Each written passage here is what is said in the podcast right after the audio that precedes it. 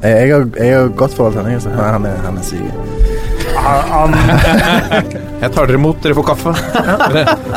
Nå mista jeg lyden i høretelefonene. Der kom de tilbake. Ja. Ja, det er hyggelig å være her. Jeg er glad i, i podkast som fenomen.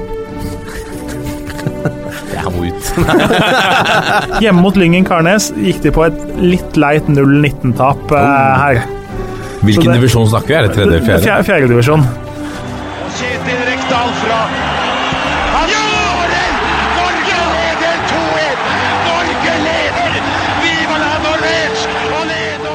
Og der er eh, toppfotball tilbake igjen. Vi har lagt en lang påske bak oss, og vi stiller her struttende av energi for å snakke om eh, norsk eh, fotball som ruller for alvor. Og Jørgen Kjernås, nå er endelig også dine favorittligaer virkelig i gang. Nå ruller ballen på ordentlig, er det ikke det vi sier? Ja? For du var på kamp i går, så Stabæk 2 mot Ja, så Stabæk 2 mot Årvoll. Det Ja. stemmer, det. Hvordan gikk det? Det ble 3-3. Det, en av de, nå har jeg ikke sett så mange kamper i år, da, så, men det er fort en av de snåleste kampene jeg har sett. For det, Stabæk leda 3-0 etter noen og 20 minutter, og da sto jeg der Frykta litt liksom at det skulle bli tosifra, litt sånn der eh, nasjonale avisartikler om man liksom tapte 12-0 i og sånn, men uh, endte altså 3-3 isteden. Det være bra det i starten av sesongen. Ja, redda det opp. Uh, Skårte to før pause, og så utligna da til 3-3 etter en ufattelig kjedelig andreomgang uh, på overtid. Og så får Stabæk da eh, et annullert mål eh, etterpå som er ja, kan ha vært riktig, kan ha vært feil. Det, Lindemannen sto med flagget, i hvert fall. Så eh, det var litt gøy når man først har giddet å ta turen til Bekkestua. Ja, ikke sant? Lasse Wangstein, velkommen. Takk for det. Strålende påske. Ja, å si det. Eh, fotball? Eh, sett litt fotball òg, ja. Mm. Ikke spilt fotball. Nei. Vært litt på fjellet uten dekning noen dager. Det var faktisk overraskende deilig. Og så har jeg sett eh, mye fotball i slutten av påsken, for det er jo klart eh, sånn andre påskedag og sånn er jo en fantastisk dag for oss som er glad i fotball. Nydelig. Som en, liksom en avslutning på påsken Ja, litt litt ekstra. dårlig at det er så godt vær Mm. den andre påskedag, for det måtte jo være litt ute med barna og sånt, men eh, sånn utover ettermiddagen her så ble det mye tid i, i kroken hjemme. Det var deilig. Nydelig. Så har vi jo i uh, denne sendinga fått med oss en, en spesiell uh, gjest. en 28-åring fra Ottestad i Stange kommune i, i Hedmark. Noe av det bedre Stange kommune har produsert siden Return herja på 80- og 90-tallet.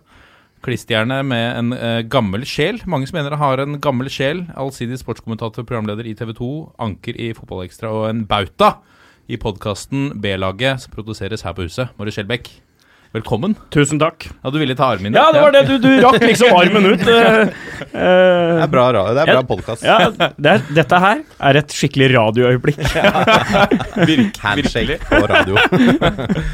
Du har jo eh, forhåndsmeldt at du skulle eh, st stake litt i, i, i påsken. Du skulle teste ut skia dine. Ja. Hvordan har det, det gått? Veldig bra. Mm. Veldig bra, faktisk. Eh, hadde påskeferie på Brumunddfjellet.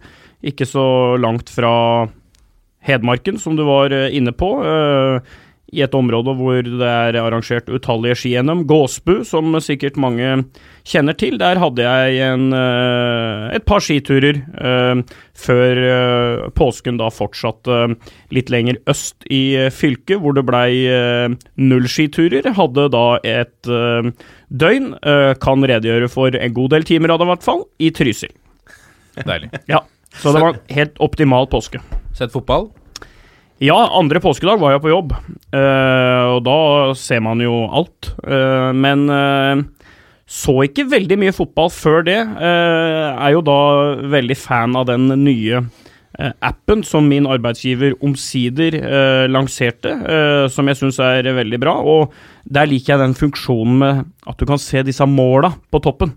Sånn at du kan bla gjennom en fotballkamp litt fortere, for eh, når du ser så mye fotball og jobber så mye med det som jeg gjør, så er det vel innimellom at jeg må prioritere litt annerledes eh, i noen ferier. Så eh, det ble ikke sånn eh, mange fotballkamper fra A til Å når, eh, når vi feiret en stille uke. Er det mange som, eh, tenker jeg sånn typisk, det er mange som spør deg hvor mye sport ser du, Marius Ja. Skjelbæk? ja, eh, det er mye. Det er, det er fryktelig mye, altså. Jeg kom jo Um, kom jo rett fra et sykkelritt og, og ned her nå. Um, uh, favorittseier til à la Philippe. Um, ser mye hockey. Uh, mest fotball, selvfølgelig, men uh, ser også veldig mye langrenn og alpint om vinteren. Uh, så blir det litt sånn hopp og kombinert og, og en del andre idretter sånn her og der. Så, så svaret er mye. Hvilken sport er det du kunne tenke deg nå, hvis du hadde all tid i verden, til å virkelig fordype deg i det? Fordype meg Jeg vet jeg ikke om jeg Der føler jeg vel egentlig at jeg eh, at, at jeg jobber med de sportene jeg er mest interessert i, men er det, en, er det noe jeg skulle ønske at jeg fikk sett mer av, så er det NHL, eh, som jeg også er veldig glad i, men det er jo helt umulig å gjennomføre et eh, vanlig, eh, normalt fungerende liv og, og følge eh, transatlantiske ishockeykamper når man bør sove. Så det får jeg sett lite av. Nå er det jo Stanley Cup og sånn der, så det er jo eh, det syns jeg i hvert fall er tett oppunder det råeste du får i idrett, da, et, et hockeysluttspill i NHL. Ehm, sammen da kanskje med en straffekonk eller en finale i EM-VM, altså, så, så er det på det nivået, føler jeg. da. Det er, det er så mye gode idrettsutøvere. Det er eh, atletiske bamser og taklinger og slåssing og dommerfeil Nei, det har liksom eh, Det, det har alt, da. Så hvis det er noe jeg skulle ønske at jeg fikk sett mer av, så er det nok akkurat det. Det er jo sånn med NHL. eh, Jeg har jo små barn, så jeg våkner jo ganske tidlig. Men da er det, når jeg- da sjekker Twitter til frokost, da er det jo fortsatt kamper som pågår i eh, Stanley Cup-sluttspillet. Ja, nå er vi i, eh, i sudden death, liksom. Ok, riktig. Ja, det skjønner jo at det ikke funker med et normalt liv, vet du, å se den kampen live. Kan få med finishen hver morgen, da. Ja, det går an. Ja. Ja.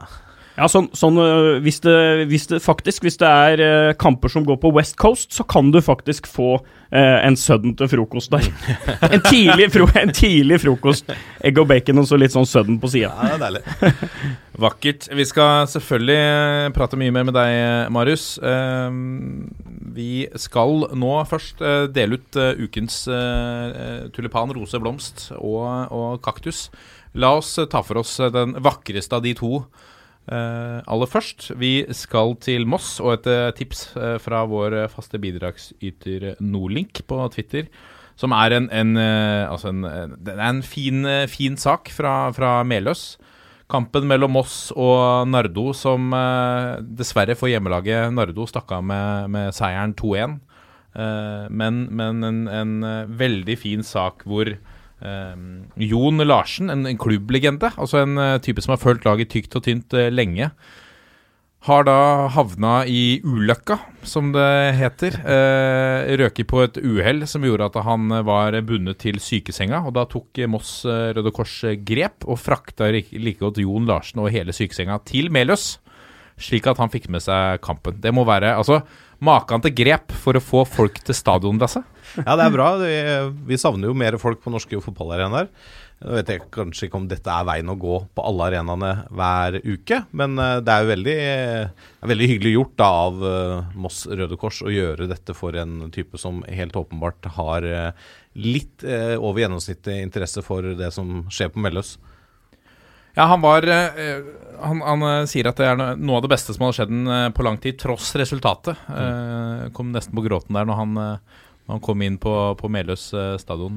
Sterkt øyeblikk. Og jeg, jeg bet meg merke i også Moss fotballklubb sine verdier. Respekt, lojalitet, inkluderende og kvalitet. Også litt i kontrast med alt kaoset som har skjedd i, i vinter der nede. Så trengte de en, kanskje en sånn gladsak nå. Ja, de gjorde jo det. Det er klart det. Altså, det var jo ikke veldig omdømmebyggende alt som skjedde i Moss i eh, fjor høst. Eh, så det her er jo et stort, stort pluss i boka for både klubb og, og by, vil jeg si. Videre til eh, det litt mer eh, En plante av det litt mer vonde slaget, Wangstein. Ja, kaktusen tenker du på? Ja. Den ikke omdømmebyggende blomsten? Ja. Eller planta? Ja. Ja, vi skal litt lenger vest i landet. Da. Jeg tenkte at denne uka her så må den gå til Aliou Koli. Assistert av Christian Mikkelsen i Kristiansund. For det greiene der, det må vi få bort fra fotballen med en eneste gang. Og når vi først er i gang med å få bort ting, så kan vi jo få bort den ufattelig idiotiske regelen i NFF om at man ikke kan gå inn i etterkant og etterprøve og overprøve en dommeravgjørelse hvis han har sett den på banen.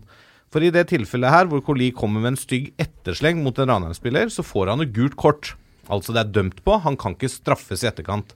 Overfallet han gjør, er jo direkte rødt kort, det er jo ikke noen tvil om, og det burde jo vært flere kampers karantener. Så har vi jo Marius sin gode venn her, da, sørlandssjimpansen Jesper, mente jo at uh, Efrain Juarez skulle ha ti kampers karantene for en takling som skjer i kampens hete på samme stadion uh, for noen uker siden. Og da kvalifiserer vel det her som Coli driver med bortimot et år på sidelinja i Jespers bok. Eh, det, nå skal ikke jeg overdrive som godeste Jesper gjør, men eh, tre til seks kamper syns jeg fint kunne vært gitt for en sånn variant som Coli kom med her.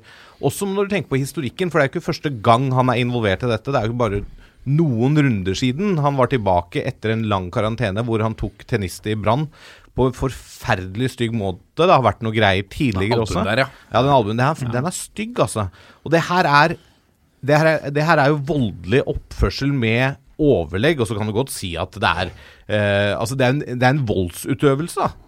Altså, det kan godt hende at han ikke tenker i gjerningsøyeblikket, men du må tenke som fotballspiller at det her kan jeg ikke gjøre, og sånn her kan jeg ikke holde på. Og da må du få slutt på det. Og da holder ikke at Christian Michelsen rett etter kamp sier at ja, nei, dette er ikke bra. og ja, ja, det er sånn som skjer, liksom. Ok, Nå har det kommet ut i etterkant at de har tatt en alvorsprat og alt det der, men uh, sånn umiddelbart, dårlig håndtert, uh, og utførelsen uh, fra Coli er helt hårreisende. Jeg syns det snodige er å Både den der tennistesaken og nå, så spilte han jo spiss. Mm. Det gjør han jo nesten aldri. Han kom jo til Norge som spiss, og så ble han omskolert til høyreback. Mm. Og så spiller han da spiss sånn omtrent én eller to ganger i sesongen. Eh, og liksom begge de to stygge episodene nå er som spiss. Jeg lurer liksom på Er han ekstra overtent og skal vise seg ekstra fram når han spiller spiss? Altså, Ja, for å få spille mer spiss? ja, ikke sant? At det, det er en rolle han vir virkelig vil vise seg fram med, eller føler at han trenger et annet eh, energinivå i, eller Eller frustrasjon over ikke å lykkes i den rollen han først har lyst til å spille. Ikke sant? Et eller annet sånt. For det, det er da rullegardina har gått helt ned hos han, da. Så eh, Uten at jeg er noen psykolog, så Men, men du, er havner jo en helt, du havner jo en helt annen type dueller, da. Når du er angrepsspiller, når du er forsvarsspiller. Når du er forsvarsspiller, så er det jo stort sett din jobb å bruke uh, Holdt på å si eh, regelboka akkurat innafor for å stoppe en angrepsspiller, hvis, hvis vi tar det sånn helt basic, da. Er du spiss, så er jo du den som blir hele tida tråkka på hælen, hele tida. Det kan jo ha noe der å gjøre. Det har bygd seg opp på en måte frustrasjon. Ja, altså Du blir jo i hvert fall eh, Brannalarm hjemme. Brannalarm, ja. Er sant? Ja. Nei, jeg tror nok at det kanskje er eh, jeg kan, Det er ikke sikkert det er tilfeldig, altså. Det er, en god tanke fra Kjernås junior. ja. Vi skal, mens uh, Lasse sjekker ut brannalarmen hjemme i, Jeg ble litt spent på om han fikk telefon, eller om det er noe sånn automatisk uh... Det beste nå er jo hvis det brenner og han kommer til Ja, det brenner litt, men vi får gå videre i kjøreplanen. Vi skal eh, Vi har en bred kjøreplan i dag. Vi får håpe Lasse kommer tilbake. I eh, Pulsen skal vi snakke bl.a. om eh, Ivar Koteng, som hevder at uh, Rosenborg har spilt 4-3-3 i, i hele år. Eller i hvert fall etter at Horneland tok over. Vi skal snakke litt om mediehåndtering eh, blant norske fotballspillere. Fra det til litt altså gressmatter som kanskje har sett sett bedre ut, eh, og eh, utvandrede eliteseriespillere som kritiserer nivået i Norge. Så har vi en, eh, fått inn litt lyttespørsmål, selvfølgelig, når vi har en så prominent gjest som Mari Skjelbæk. Og til slutt så har vi selvfølgelig en liten bunke med breddenytt fra Jørgen Kjernås. Dette er toppfotball. Så har vi kommet til rundens øyeblikk, hvor eh, hver og en har plukket ut eh, noe fra en av de mange ligaene i eh, den norske fotballfloraen. Kan vi begynne med deg, Marius? Ja, øh, jeg skal jo da ned i Obos-ligaen, jeg, og øyeblikket for meg er faktisk ikke fordi at Lasse Wangstein er her, men det, vi skal i nærheten av Gardermoen, Oi. OSL. og øh, Ullkisa, som jeg syns har vært uh, kjempegode uh, i 2019. øh, spilt fantastisk fin fotball. Vært det klart beste laget i Obos-ligaen. etter mitt skjønn. Glem start, iallfall. Uh, jeg syns også Ullkisa har sett bedre ut enn både Sandefjord og Ålesund. Men da, når guttene fra Skogene kom på besøk, med da en uh, ny keeper som uh, senior Nystuen uh, på finurlig vis har tryllet opp fra Erdogans rike i Tyrkia til Kongsvinger. Det er jo litt av en klassereise, det også. Ali Ahamada, Daniel Bråtens tidligere lagkamerat i Toulouse. Forrige runde, kjempematch, holdt nullen. Og det utsparket han har på 1-0, da, som ender da i et selvmål Det er vel han Kitolano som header over. Det er jo hårreisende keeperspill fra Ullkisa, men Kongsvinger-keeper Ahamada, altså det utsparket der på 65 meter, den innsatsen altså Han så ut som en sånn lengdehopper, altså, når han bare dro sparket ut der og sklei på kunstgresset. Det blir øyeblikket for meg, og historien hans, at han ender opp der i, i, i Gjemselund-traktene, og, og nå plutselig har Kongsvinger fått seg en kjempekeeper, så det får bli eh, tommel opp eh, og øyeblikket fra meg. Ja, Det la jeg merke til. Mine tanker gikk tilbake til eh, tidligere Vålerenga-keeper Pa Dembo Turay. Ja, Med, Han kasta jo fra 16. han kasta jo han! ja, av, må være et av verdens beste, en av verdens beste på utkast. Ja, Han hadde noen sinnssyke utkast. Ja, fra 16 til 16 omtrent. Ja. Og så hadde han jo så ufattelig svære hender òg, så han holdt jo ballen som en håndball. Ja. Han holdt ballen i, med én hånd, så ut som en håndball. Nydelig. Det er helt nydelig. Vakkert. Eh, og moro for Kiel med å ha fått en skikkelig profil der i, mellom stengene. Ja, også veldig politisk korrekt av meg å gi, uh, å gi noe til Kongsvinger også. uh, så jeg slår en, eh, faktisk en fire-fem fluer i en uh, smekk her nå. Det er liksom ferdig med det. Ja, ja, ja. ja, ja, ja. For en Nå er det dritt heretter fra meg, altså. Nei, Kongsvinger er fin klubb, Nystuen er flink, og nå har de en kul keeper, og Adem Given der, og nei, det er fint, det. Jørgen Kjernås, hva har du hentet frem? Du, Jeg skal også snakke litt om keepere. Eh, Jeg skal ned til tredjedivisjon. Så tenkte jeg jeg skulle være så ubeskjeden, fordi eh, Dere må nesten se det. for å på måte- Nok et radioøyeblikk, altså. Ja, kjempefint radioøyeblikk. nok Men jeg nominert. anbefaler alle andre å gå inn på Romerikes Blad og se, fordi det Er er det plussartikler? Det er nok pluss, men det, alle har vel abonnement, regner jeg med. Eh, det er altså et tilbakespill fra Lørenskog mot eh, Nordstrand. Eh, tilbakespill type ekstremt dårlig, sånn at eh, det er på vei inn i mål. Uh, Lørenskog-keeperen skjønner jo da at her må jeg egentlig slenge meg faktisk redde den, hvis ikke det skal bli uh, scoring ut av dette. Uh, og da gjør det jo det og tar da et indirekte frispark uh, mot. Og så blåser dommeren litt sånn lavt i fløyta, og det er mange som roper og melder mye og sånn samtidig. Så han lar bare ballen bli liggende. Så kommer da Nordstrand-spillerne og tenker at nå skal vi eh, ta et kjapt frispark, trille det til en lagkompis og skåre på åpent mål. Eh, sjelden dommerne lar indirekte gå, da. Men så skjer jo det snodige, fordi keeperen sparker jo da vekk ballen. Han skjønner at vi kan jo ikke la dem ta et tidlig frispark. Nå har vi tabba oss litt ut, men trenger jo ikke tabbe oss helt ut for det. Så kommer jo da dommer løpende og gir da først et gult kort For Hensen? For, for tilbakespillet.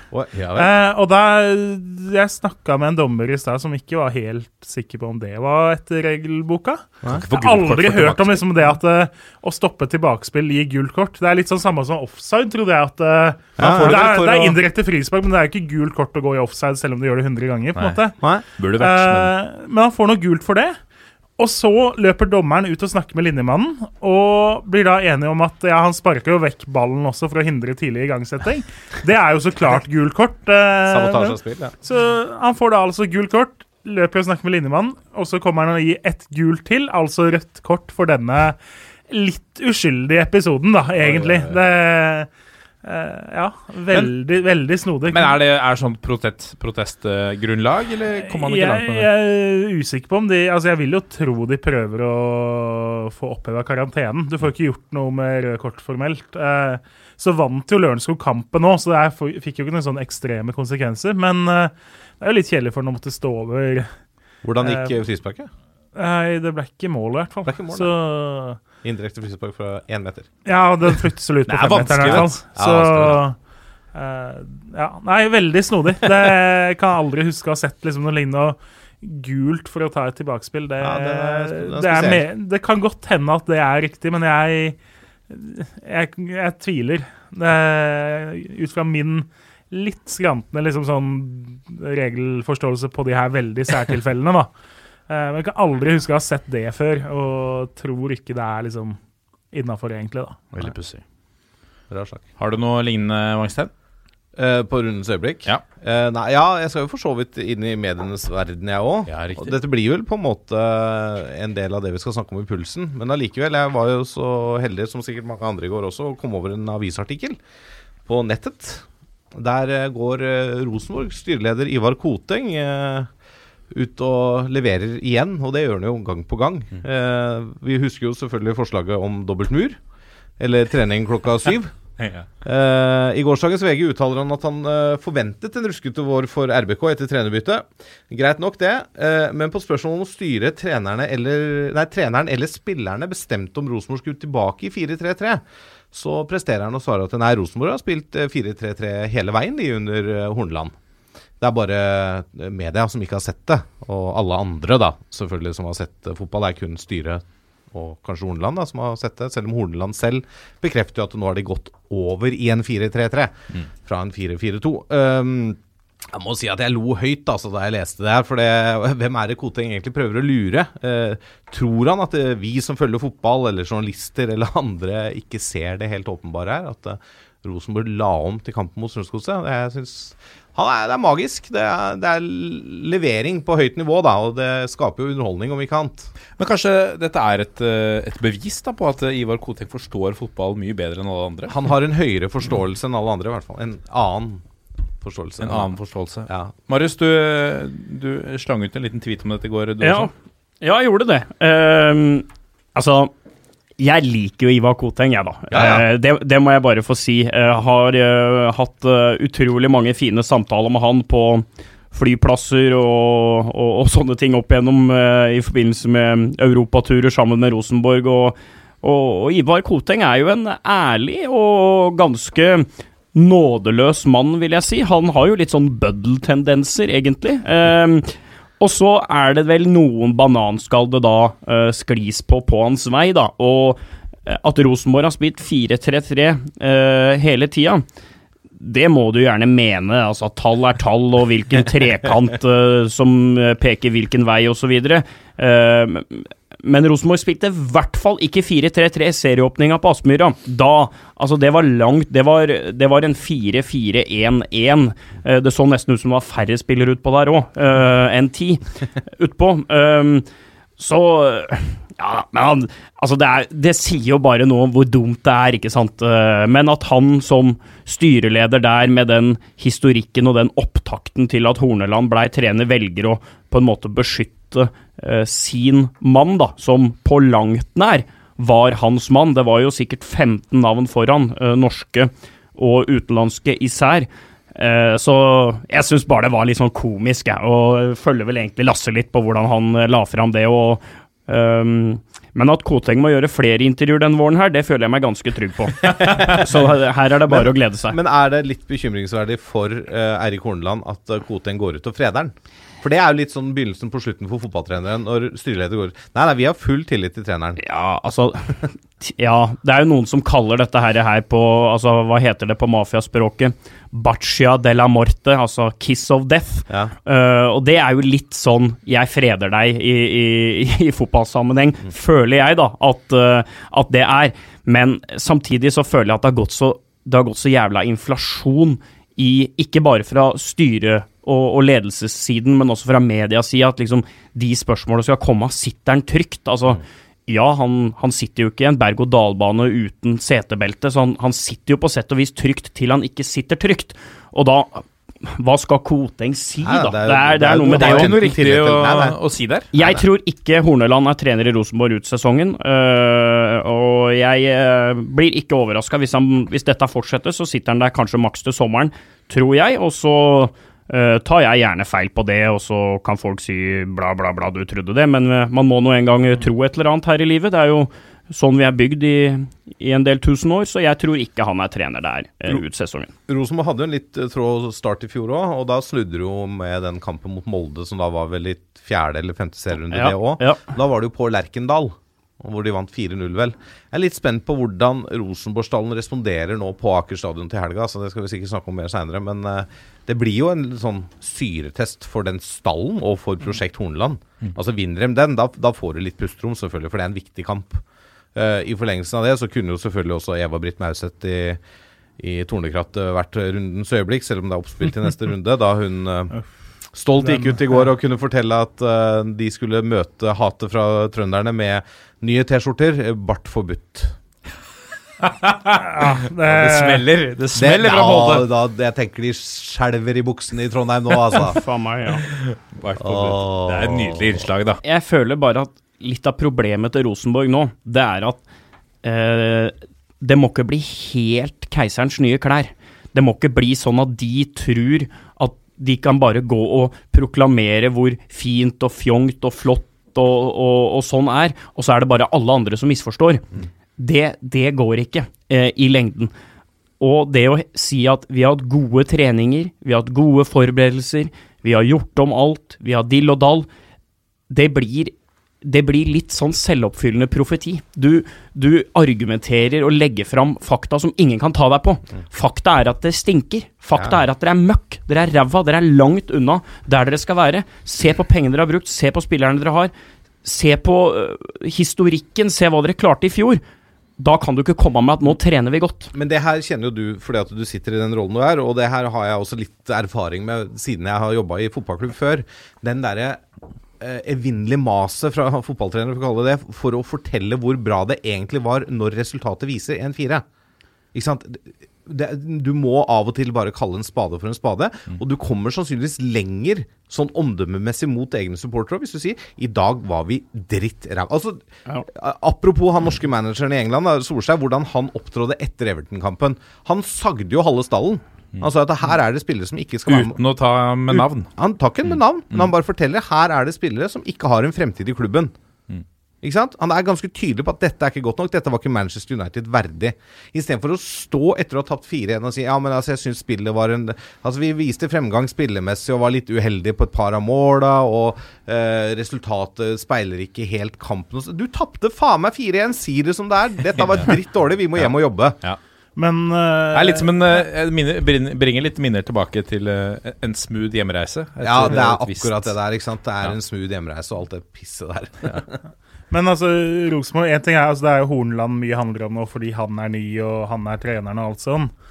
Uh, Rosenborgs problemer, hvis man kan kalle det det, det ligger jo mye dypere enn at nå har de ansatt en trener som ikke helt har funnet ut om det er 4-4 eller 4-3-3 eller 4-4-1-1. Eh, se på den spillerstallen de har. Ja. Se i forhold til Nå sier du at de kan ikke sammenligne seg med disse klubbene i Danmark og Sverige som kjøper og selger, men Rosenborg omsetter nå for 200 og en god del mill. i året. Hvor mange i den spillerstallen er det som de potensielt kan selge og få igjen brukbart med penger for? Det er ikke mange, altså.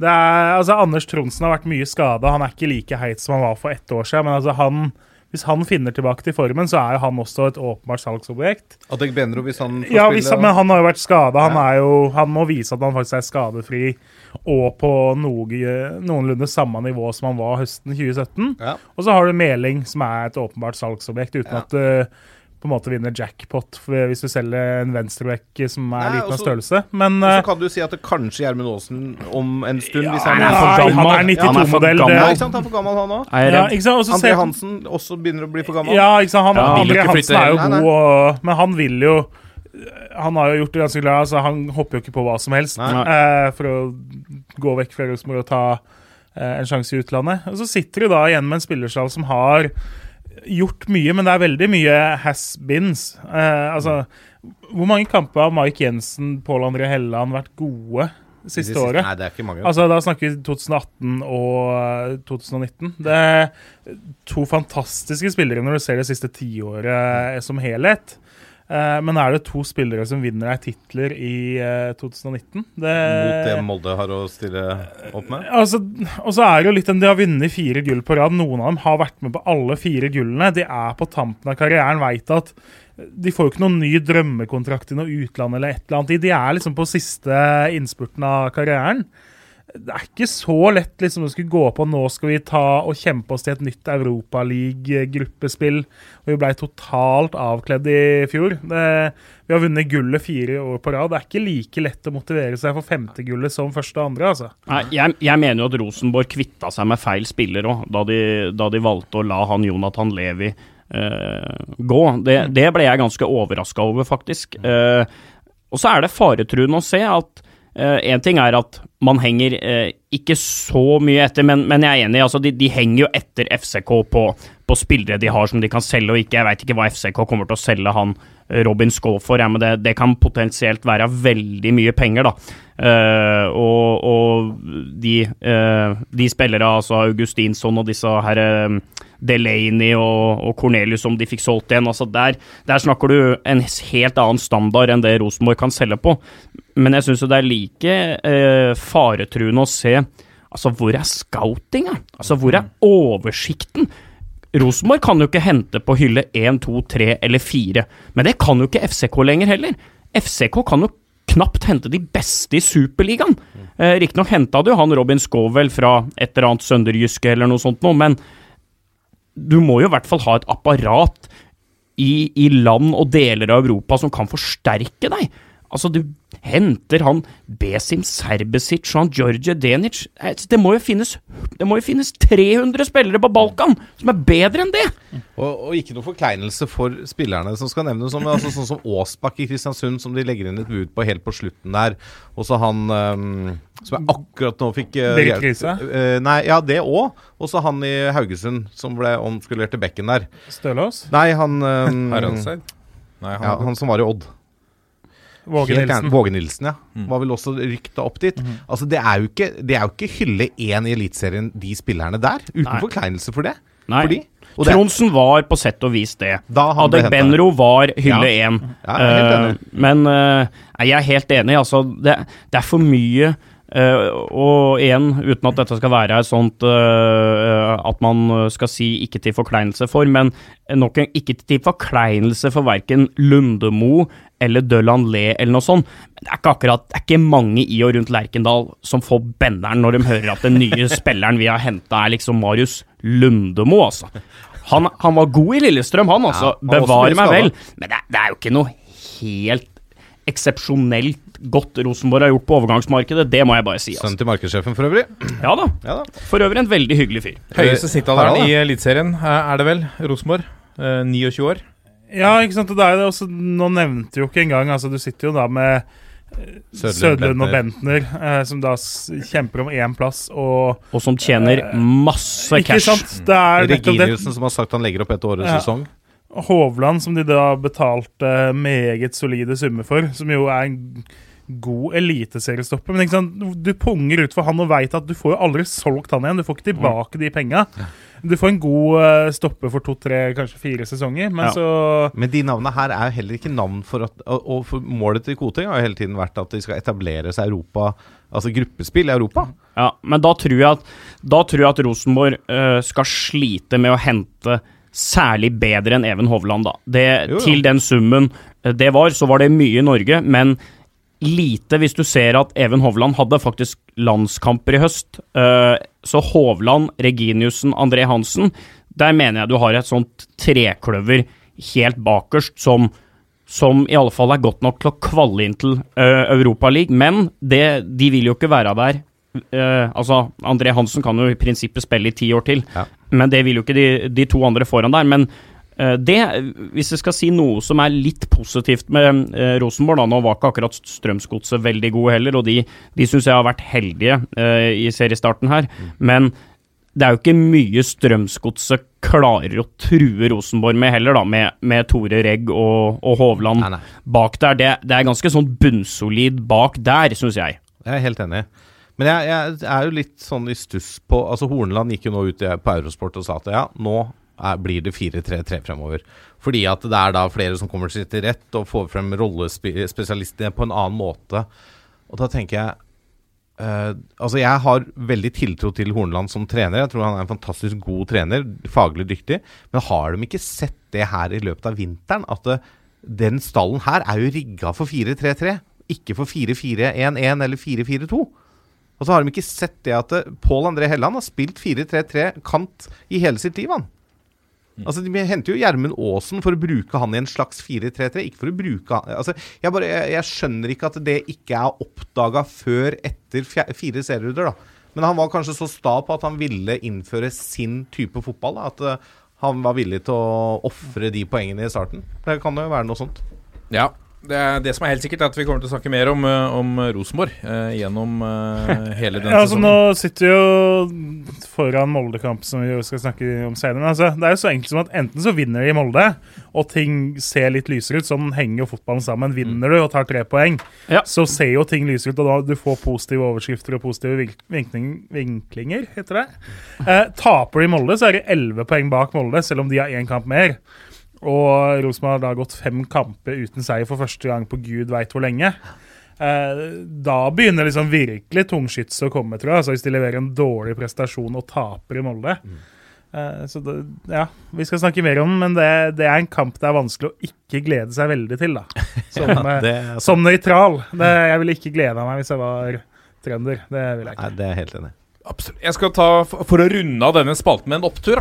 Eh, apropos trenere. Eh, Jostein Grinhaug er tilbake i Eliteserien. Eh, Nydelig mann. med et eh, Altså ikke med et smell, men med, med Jeg følte vi så noe av hans hans eh, hva skal vi si, engasjement og, og karisma på sitt aller beste i postmatch. Eh, selvfølgelig er han strålende fornøyd eh, etter eh, 3-0-seieren eh, sist. Men eh, da får spørsmål der om Alexander Stølås, om han eh, begynner å dra på åra. Og at han er vel, han er vel 30? 30. 32, Uh, hvor han svarer at eh, er han ikke eldre? Syns han ser jævla gammel ut. og det er, det er Jostein Grinhaug på sitt beste. Og det er et kroneksempel på hvordan du kan ta et vanlig, kjedelig uh, etter kampintervju og gjøre det til, til uh, nesten Apropos nesten litt sånn omdømmebyggende. Det er litt gøy å følge med på Haugesund. Eh, du veit aldri hva som smeller fra, fra treneren der. Han kommer med noe greier. Ja, han, Eh. tør, han tør å by på seg sjøl, han tør å ha glimt i øyet. Ja. Og han gjør ikke dette så jævlig dønn øh, seriøst hele tida. Altså, fotball er tross alt underholdning òg, altså, så vi må ikke glemme det. Altså, Fotballtrenere og spillere må ikke glemme det oppi alt. Og da, ja. Har du hatt noe gode øyeblikk med Jostein Grindhaug, eh, Marius? Ja, jeg tror ikke det er lett å ha så mye dårlig øyeblikk. Er jo En gyselig hyggelig mann, Jostein.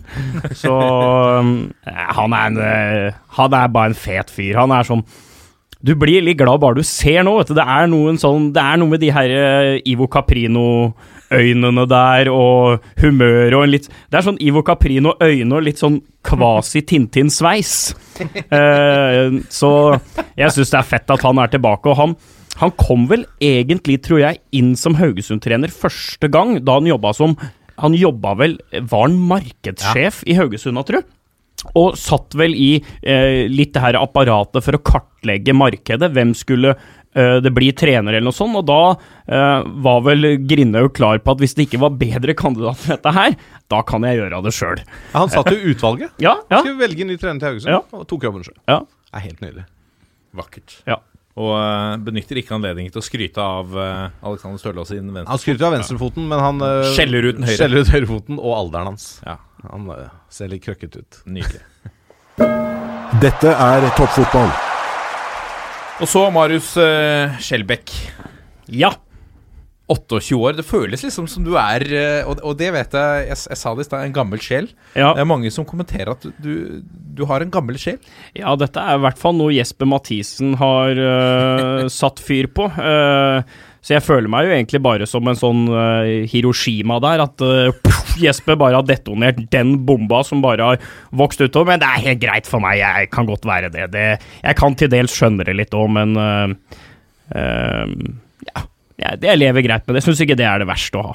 Men du har jo du har jo jobba i eh, norsk sportspresse nasjonalt en del år nå. Hvor, nå- hvor lenge siden har du begynte nå i NRK? du begynte i? Ja, NRK begynte jeg i 2011. Ja, sant. Eh, Da var jeg veldig mye på besøk hos Lasse en del år. Eh, satt ute på disse her benkene utafor Valhall når, eh, um, når det kokte spesielt rundt et par år hvor det kokte veldig rundt Martin Andresen og um, det var jo åpenbart mot slutten at dette her gikk mot slutten. Eh, Så var man litt usikker på kom Vålerenga til å gripe inn, kom Martin til å ønske det sjøl. Altså det var mange sånne ting, da. Og da Det er jo faktisk litt sånn rart å tenke tilbake på bare for en seks-sju år sia, hvordan eh, faktisk eh, norsk sportspresse, og da hovedstadspressen især, var rundt Vålerenga. Altså Det var nesten sånn Jeg var da på Valle tre-fire ganger i uka. Så satt vi ute på de benkene der.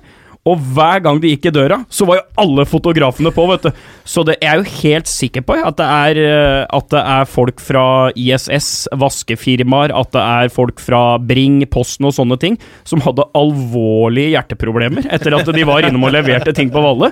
For der hadde du altså både Dagsrevyen, TV 2, Scampix, VG og Dagbladet rett opp i trynet når du, når, når du kom ut etter å ha levert ei pakke, så det var moro, det. Eh, og så begynte jeg i TV 2 i mai 2014.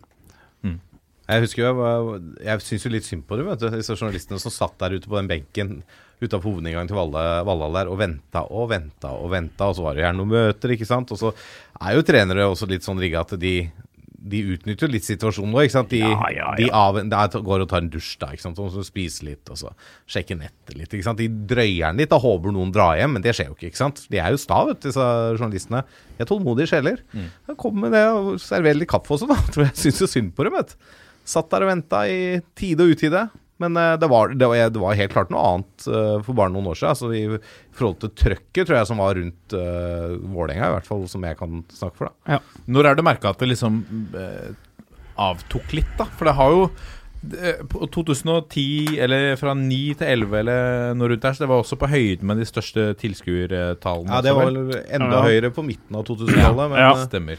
Nei, altså Dette der tror jeg alltid vil gå litt i bølger. Ehm, så har det nok mye å si at Altså at interessen er veldig mye dårligere, det kjøper jeg faktisk ikke. Eh, den er ikke veldig mye dårligere. Men jeg tror nok at eh, dette har med samfunnet for øvrig Altså, i 2019 så konsumeres innhold på en annen måte enn det bare gjorde for seks-sju år siden. Og, og dette har kanskje norsk fotball og klubbene eh, gjennom da eh, inntektstap både av egne feil og kall det mer sånn som eh, er litt sånn ytre faktorer som finanskrisa og sånn, rigga seg nok ikke godt nok eh, på det å eh, håndtere det når, når ting ble annerledes. Og media er jo litt av det samme. Det blir jo bare færre og færre. Altså, vi har vært gjennom eh, heavy kutt i TV 2, eh, VG Dagblad, papiravisene. Aftenposten har jo deadline før andre omgang, omtrent. Altså bare for å sette det på spissen. Så det er nok en medvirkende faktor. øh, men sånn fram til og med en 2014-2015 så syns jeg nok trøkket var høyt, da. Øh, det var øh, mange ti- tippeligatreninger vi var på i TV 2 i 2015-2016, eh, kontra nå, da. Og nå har ikke vi rettighetene heller, så det, det er jo selvfølgelig en faktor. Men eh, da tror jeg dere må ha en eh, lengre podkast enn to timer hvis vi skal få stilt diagnosen her. Ja, men også er det jo litt sånn Og dette, eh, kan jo snakke litt på hvordan man jobber fra mediesiden i en klubb, da. Eh, tror jeg har vært innom det, i hvert fall i Pyro Pivo tidligere. Eh, men det er jo sånn Da denne mediepotten med liksom nett, egne nettsider og trafikk til nettsider kom, så skulle man jo holde på egne nyheter selv. Man skulle være først ute med det siste om egen klubb. Eh, I og for seg greit nok det på mange måter, men jeg, sånn i ettertid så ser jeg at vi oftere burde gjort avtale med pressen. Du vet hva, klokka seks i dag skal vi presentere en ny spiller. Dere får saken eksklusivt med sperrefrist. Da går dere ut med saken deres først på nettsiden deres, og så går vi ut tre minutter etterpå på våre nettsider. Da tror jeg du hadde fått mer oppmerksomhet rundt sånne ting. Og så er det klart at eh, Jeg husker jo Vålerenga har jo vært lekk som en sil i mange år. Det har vært så mye rykter rundt Vålerenga, og eh, Marius og hans kollegaer har jo hatt kilder eh, høyt og lavt i styre, stell, administrasjon og hvor faen oldemor, ikke sant? Eh, det er jo tetta igjen mer nå enn det var. Og da blir det ikke like mye skriverier heller. Når det ikke Men er det går ikke bra med disse, disse kildene, da? For det skaper jo, jo, en men det er, det, det, er- det er hele poenget blest. mitt. Eh, men sant, så har du den andre siden av saken. Det fins situasjoner hvor hvis det går rykte om en spiller, så blir den spilleren enten dyrere eller går til en annen klubb. Altså Vålerenga henta jo Fegor Ugude på flyplassen i Molde. Han var på vei til å signere til Molde. Når det ryktet begynte å gå, så bare var det rett opp til Molde. Hente den og få den til Valle få signert den med en gang. Og da kosta han sannsynligvis mer i sign-on-fee og lønn enn det han hadde kosta hvis de hadde henta han to uker tidligere, før han begynte å vise seg fram for andre norske klubber. da Ja. Uh, så det er liksom Jeg tror det er en sånn balansegang der, men at klubbene kanskje må bruke pressen Altså være mer venner med pressen. da Ikke alltid skal ha den uh, eksklusive nyheten først på sin Facebook-side, sin Twitter-konto, sin nettside. Men gjøre en avtale med sperrefrist med ett mediehus. Du får den eksklusivt. Du får møte spilleren, kan ta bilde, kan gjøre ferdig intervjuet. Så ligger klart til 18.30-sendinga. Går fint, det. Ja. Og der er jo journalister proffe. De er, jo- er jo jobber med sperrefrister og sånn hele tida. Det er ikke, noe- er ikke noe stress i det hele tatt. Hva er det beste øyeblikket du har hatt på jobb? Fotballøyeblikket, da, siden vi sitter her. På jobb? Ja. Hva kan det være, da? Var du på smooth hjemreise? Var du med da? Nei, jeg har vært i Vi trekker jo alltid Aserbajdsjan, så du skulle jo nesten ha hatt en sånn Aserbajdsjan-turnus. eh, Men jeg har vært i Baku på, på jobb. Da vant vi jo, Håvard Nordtveit, på en corner. Det var vel da i høsten, høsten 2014. Eh,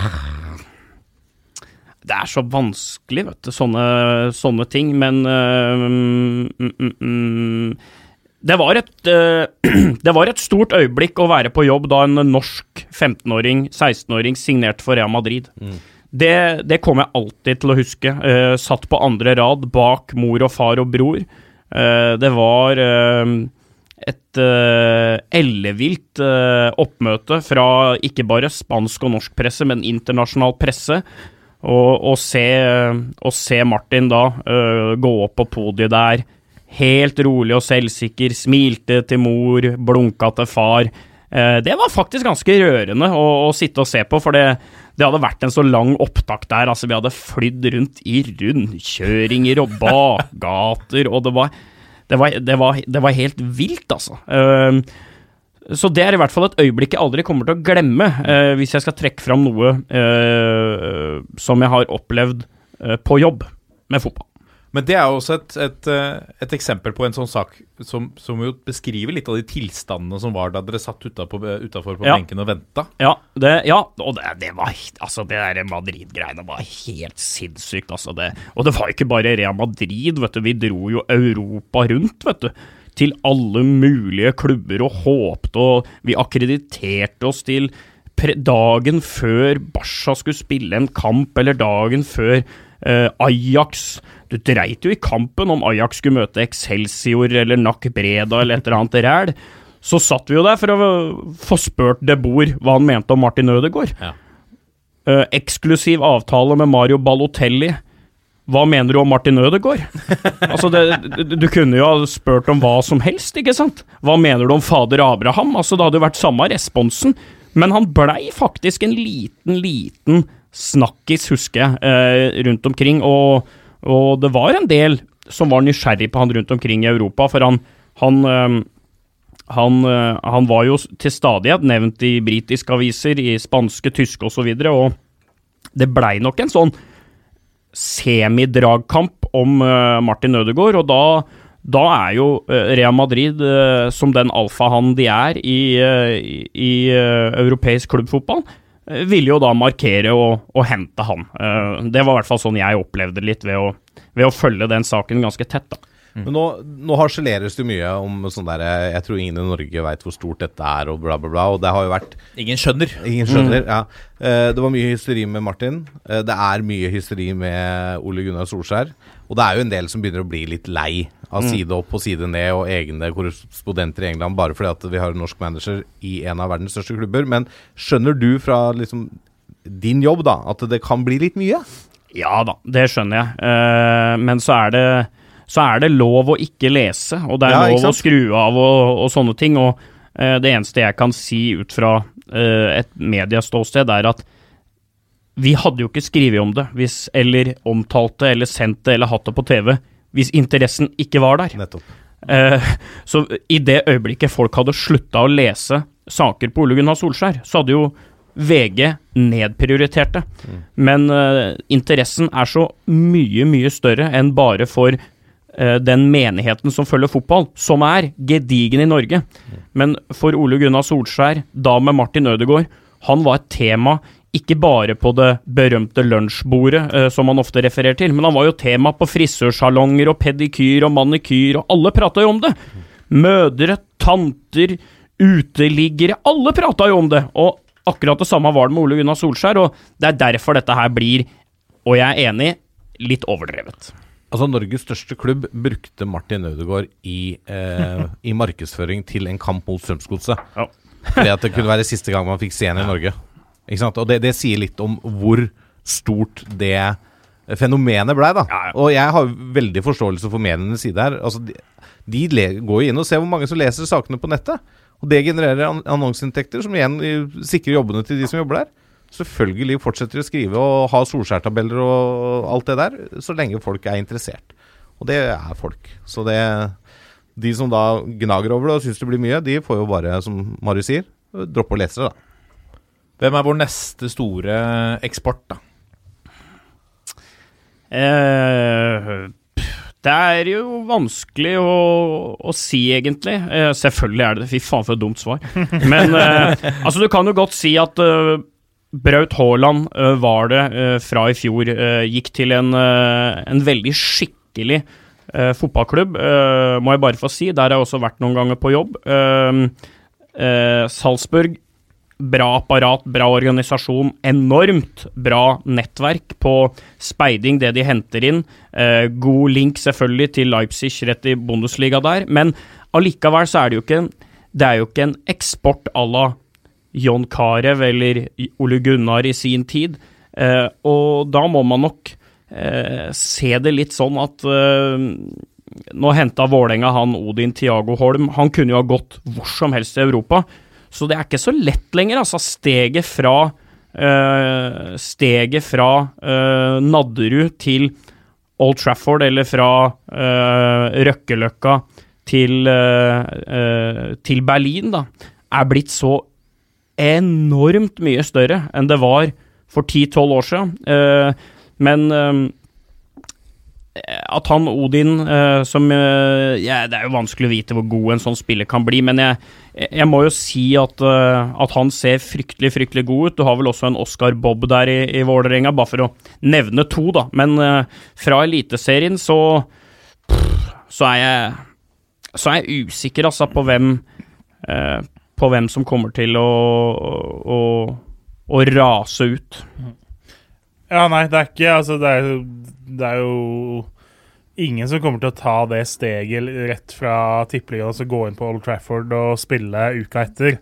Det tror jeg ikke kommer til å skje igjen, omtrent. Eh, sånn som Solskjær gjorde. Og det Jeg tror jo det blir mer av de Haaland-type overgangene, da. Ikke sant? Altså Og det er jo, bare for å ha sagt det, det er jo egentlig en fryktelig sterk overgang, hvis du ser på klubben, budsjettet, eh, at de spiller fast i Europa hele tida. Det er jo et mirakel at de ikke har gått inn i Champions League. De har snubla på målstreken de siste 200 åra omtrent. Så eh, jeg er enig med deg. Ja, nei, men skal man, altså, ser man etter altså, Jørgen Strand Larsen kan jo bli der, han òg. Eh, hvis man skal peke på en som potensielt går inn uh, og, Men han går jo ikke til Premier League, han heller. Eh, Han havner jo i Belgia eller Nederland eller en middels fransk klubb eller et eller annet sånn, han òg.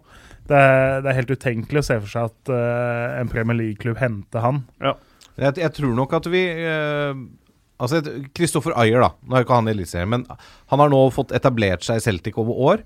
Han kan nok være den neste store norske eksporten. Altså At han tar neste steg da til en større liga. Og det tror jeg vi ser mer av, da. At de går via sånne Altså litt større klubber enn norske. Utvikler seg der, etablerer seg der, og så går videre. Altså Selv han som i dag omtales kanskje som verdens beste midtstopper, eh, han van Dijk i Liverpool, han var jo i Celtic noen år, han òg. Så gikk han til Southampton og så til Liverpool. Altså, det, det, du går ikke nødvendigvis rett fra nederlandsk fotball til Premier League heller, da. Hvor tett følger du Ottestad, da? Så tett det lar seg gjøre, hadde nær sagt. Eh, Men eh, altså, jeg kan jo ikke bruke Jeg kan jo ikke bruke fritida mi på å, å reise opp til eh, Ottestad og, og, og se fjerdedivisjonskamp. Jeg tror det tror det skulle vært vrient å, å forhandla fram hjemme. Da hadde jeg for å si sånn, da hadde jeg vært Bossmann-spiller ganske fort. Men, eh, men jeg følger jo med. Jeg har jo veldig mange gode venner der. Uh, trenerne der er gode venner av meg. Uh, beste spilleren der er en veldig god venn av meg. Uh, storebroren hans igjen, kanskje en enda bedre i hvert fall ganske like god venn av meg. Eh, så jeg, jeg følger det jo. og Det er, det er jo fint med Twitter, da. ikke sant? Du får oppdateringer på hvordan ting og tang går, osv. Uh, stort å kvalle seg til første runde i cupen, da, det er, det er jo liksom på mange måter eh, er det jo to ting du kan håpe på når du, eh, når du følger et lag i fjerdedivisjon, eller er glad i et lag i fjerdedivisjon. Det ene er opprykk, og det andre er første runde i cupen. Eh, og nå ble det HamKam, som jeg syns for så vidt er helt greit. Jeg, jeg orker ikke å sutre så mye over dette der. Eh, Du skulle ønske deg noe annet? Nei, altså da hadde vi Hva da? Altså, optimalt Vålerenga. Det har Ottestad aldri hatt. Uh, Ottestad har hatt Lillestrøm to ganger. Uh, det- Stange hatt Vålerenga. Stange har hatt Vålerenga. Uh, Stange leda vel? Eller var det 1-1? Ja, noe sånt. Ja, det- var i hvert fall Det var i hvert fall enten 1-0 eller 1-1. Eh, så det, det tror jeg hadde vært Altså fått Vålerenga og Rosenborg hadde vært det, den store, store drømmen. Lillestrøm drar neppe særlig mye mer enn det HamKam eh, vil gjøre, selv om eh, Ottestad og HamKam har møttes før. Så mm, det blir kult, da. 1. mai er det. Uh, og så er det vel seriestart nå til helga mot Gjøviklyn 2. Så får vi se om det kan bli et uh, opprykk på Ottestad, men jeg, pff, jeg følger jo ikke så mye med at jeg veit. Men det, de er jo avdeling med HamKam 2, med uh, Norges dårligste fotballby, Lillehammer. Moelven er vel i den avdelinga, så Og ikke minst Trysil, som jo har henta hallen i Bersund Ja. og henter spillere fra andre verdensdeler for Ja. å spille fjerdedivisjon. Engerdalen er vel der. Eh, nei, vi får se. Men at Ottestad, sånn som dette derre helt nidtriste seriesystemet eh, dette landet her har skaffa seg, så er det nesten ikke mulig for en klubb som Ottestad å være på et høyere nivå enn fjerdedivisjon. Uh, det er jo bare å gratulere med hvordan ting og tang er blitt, men eh, eh, det, det, det er tøft i fjor, da, når du endelig kom opp i tredjedivisjon igjen, og så, og så får du seks eller sju lag fra Trondheim. Altså, da, da, da er det liksom da, da er det ikke bærekraftig å drive på i lengden. Så, så sånn er nå det. Ja, nå blir jo fjerdedivisjonen i Hedmark òg tøffere nå. For nå er det jo Der er det jo to avdelinger i Hedmark og Oppland. Det skal jo reduseres til ett fra neste sesong. Så Og da skal du drive liksom Ottestad, egentlig en bra fotballklubb. Har, vært en, uh, har vært en eksport til HamKam. Det er Nico Mikkelsson i Strømsgodset på U21-landslaget. Han er Ottestad-gutt. Simen Bolkan Nordli, Ottestad-gutt. Uh, spiller i HamKam nå. Uh, kommer nok ikke med til U20, men det er ikke mye om å gjøre. Eh, så har du Løten, så har du Moelven. Før hadde du Fartvang. Altså masse, masse fine fotballklubber, relativt store. Så Skal du ned og spille femte, sjette divisjon og sånn? Bare for at den pyramiden skal være så bra? Vi har jo en toppserie i norsk fotball som det snart er umulig å rykke ned fra. Der skal jo alle få lov å være med! Ja, 16 lag i toppen, 16 lag på nivå under, og så skal du nærmest gjøre det umulig å holde deg i fjerdedivisjon. Det fatter ikke jeg, men klubba bestemmer jo mye av dette sjøl, så de kan jo møte opp på disse tinga og begynne å stemme snart sjøl.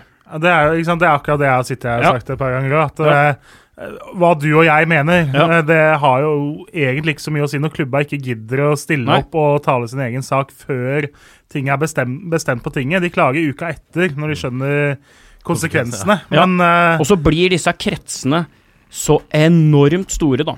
Indre Østland fotballkrets. Altså, da er det da er det 25 minutter fra her vi sitter nå, så er det i Lunder, eller på Harastua, eller et eller annet sånt noe. Det er Lunder, Ivar Rønningen. Det er Indre Østland fotballkrets. Og det er helt opp til Tynset, altså! Det, da, snakker du, da snakker du fotballkrets, altså!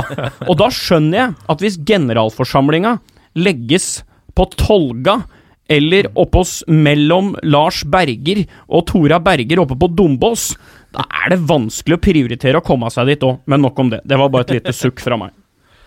Jeg liker sukk. Hvordan var din egen fotballkarriere, da? Nei, ikke all verden. Eh, bra som smågutt og gutt og sånn eh, var jeg nok ålreit sånn eh, på et lokalt nivå. Hadde skøyt ganske bra og var sånn passe sleip og skåra en del mål og likte å spille kamper og ikke like glad i å trene og sånn, men, eh, men eh, da man blei sånn 1920 og man begynte å jobbe og, og sånt, så så gadd jeg liksom ikke særlig mye mer. Men uh, man drømte jo om å bli god en gang. Det er jo sånn de fleste blir kjent med fotballen, så jeg var sånn brukbar, uh, brukbar pluss på et lokalt nivå som en, uh, som en litt sånn irriterende dra-til-gutt langs Mjøsas bredder. Men du, du har jo meldt selv at du er en av Norges beste straffeskyttere.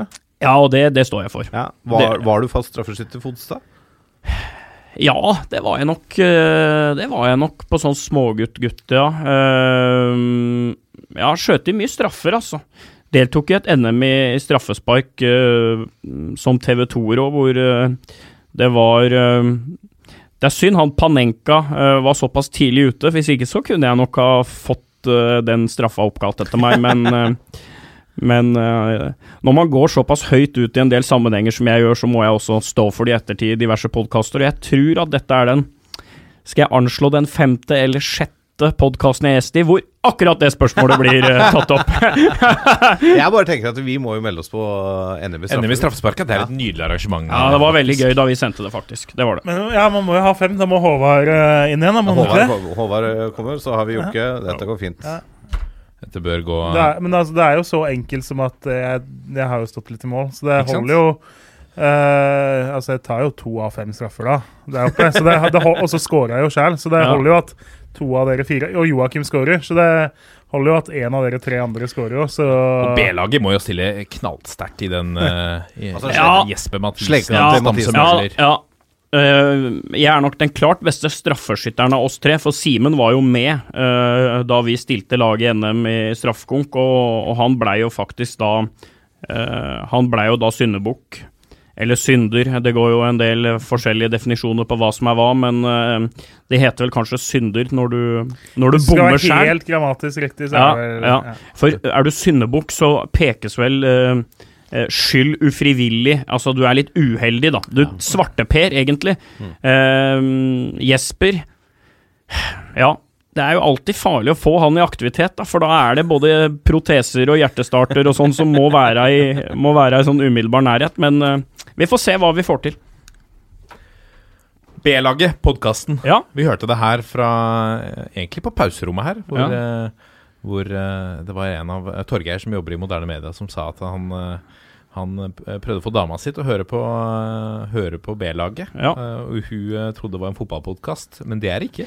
Nei, det, det begynte Det ble vel lansert som det, tror jeg. Ehm, nei, det er vi, vi har på en måte skaffa oss det, det spillerommet at det kan handle litt om alt, da. Og det tror jeg nok har slått an litt. Det er jo veldig mange fotballpodkaster uh, som veldig mange mennesker hører på, og da følte vel vi at vi vi må ha det, men uh, mest kanskje som et skalkeskjul. Uh, og så prater vi om eh, aktuelle fotballting, og ikke minst kanskje historiske, perifere fotballting, og så er det litt annet. Det er en sånn hverdags, hverdagsprat, sånn som jeg tror at tre-fire kompiser sitter og prater. Det er det som er litt sånn ideen bak, da.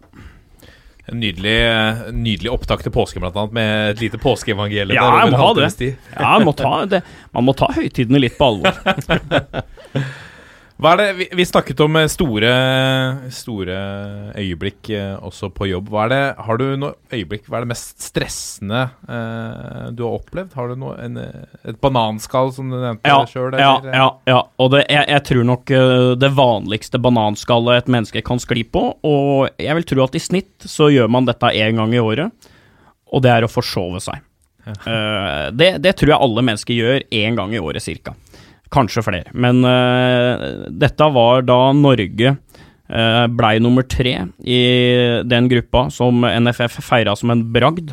At vi blei nummer tre i, kan jo da røpe at vi slo stormaktene Aserbajdsjan, Malta og Bulgaria for å bli nummer tre, men vi blei nå like fullt da uh, nummer tre bak eh, Kroatia og Italia. Og da den trekningen her skulle være, det tror jeg var en søndag, eller så var det en lørdag. Men jeg tror det var Jeg tror fuck Ja, det kan ha, det kan ha vært begge deler. Spiller ingen rolle.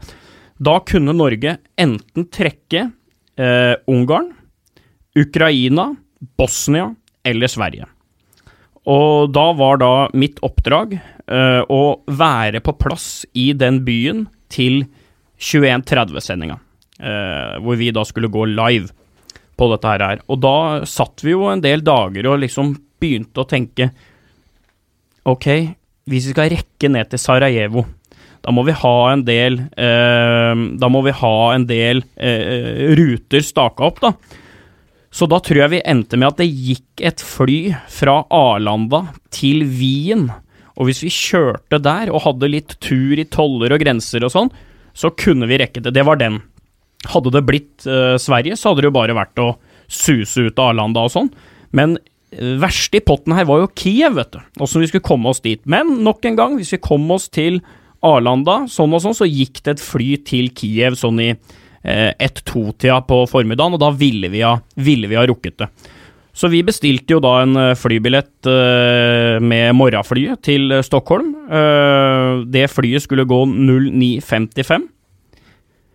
09.01 eller 02. Da våkner jeg på Torshov. At min gode venn og fotograf eh, Toby står og ringer på min dør. Og han har da prøvd å få tak i meg i tre kvarter. Og telefonen min er tom for strøm uh, på et eller annet merkelig måte. Uh, men det kan jo skje i, i denne teknologiske verden. Da var jeg ikke spesielt høy i hatten når jeg dro meg ut av, av, av senga der og visste at faen, dette er ikke sikkert at kommer til å gå, altså. Dette er jeg usikker på om går. Um, men vi fikk ringt gaten og, og sånn og sånn, så det gikk, eh, det gikk akkurat på håret. Og jeg har én annen Flyet gikk 09.55? ja, men vi rakk det. Vi kom opp, vi ringte, vi ringte rett til gaten. Uh, Uh, leverte jo fra oss eurobonusnummer og sånne ting, ikke sant, og da skjønner de jo at ok, her er det noen som flyr utrolig mye, så da går det kanskje an å være litt snille med de, men det gikk faktisk fint. En annen en som jeg kom på nå, i farta, eh, for det var også i farta. Eh, det var en gang eh, Norge skulle spille en landskamp. Da skulle faktisk Norge spille en landskamp. I Herning skulle møte Danmark der. Det var også Det var, det var året før, det. Det- men det var under Høgmo, iallfall.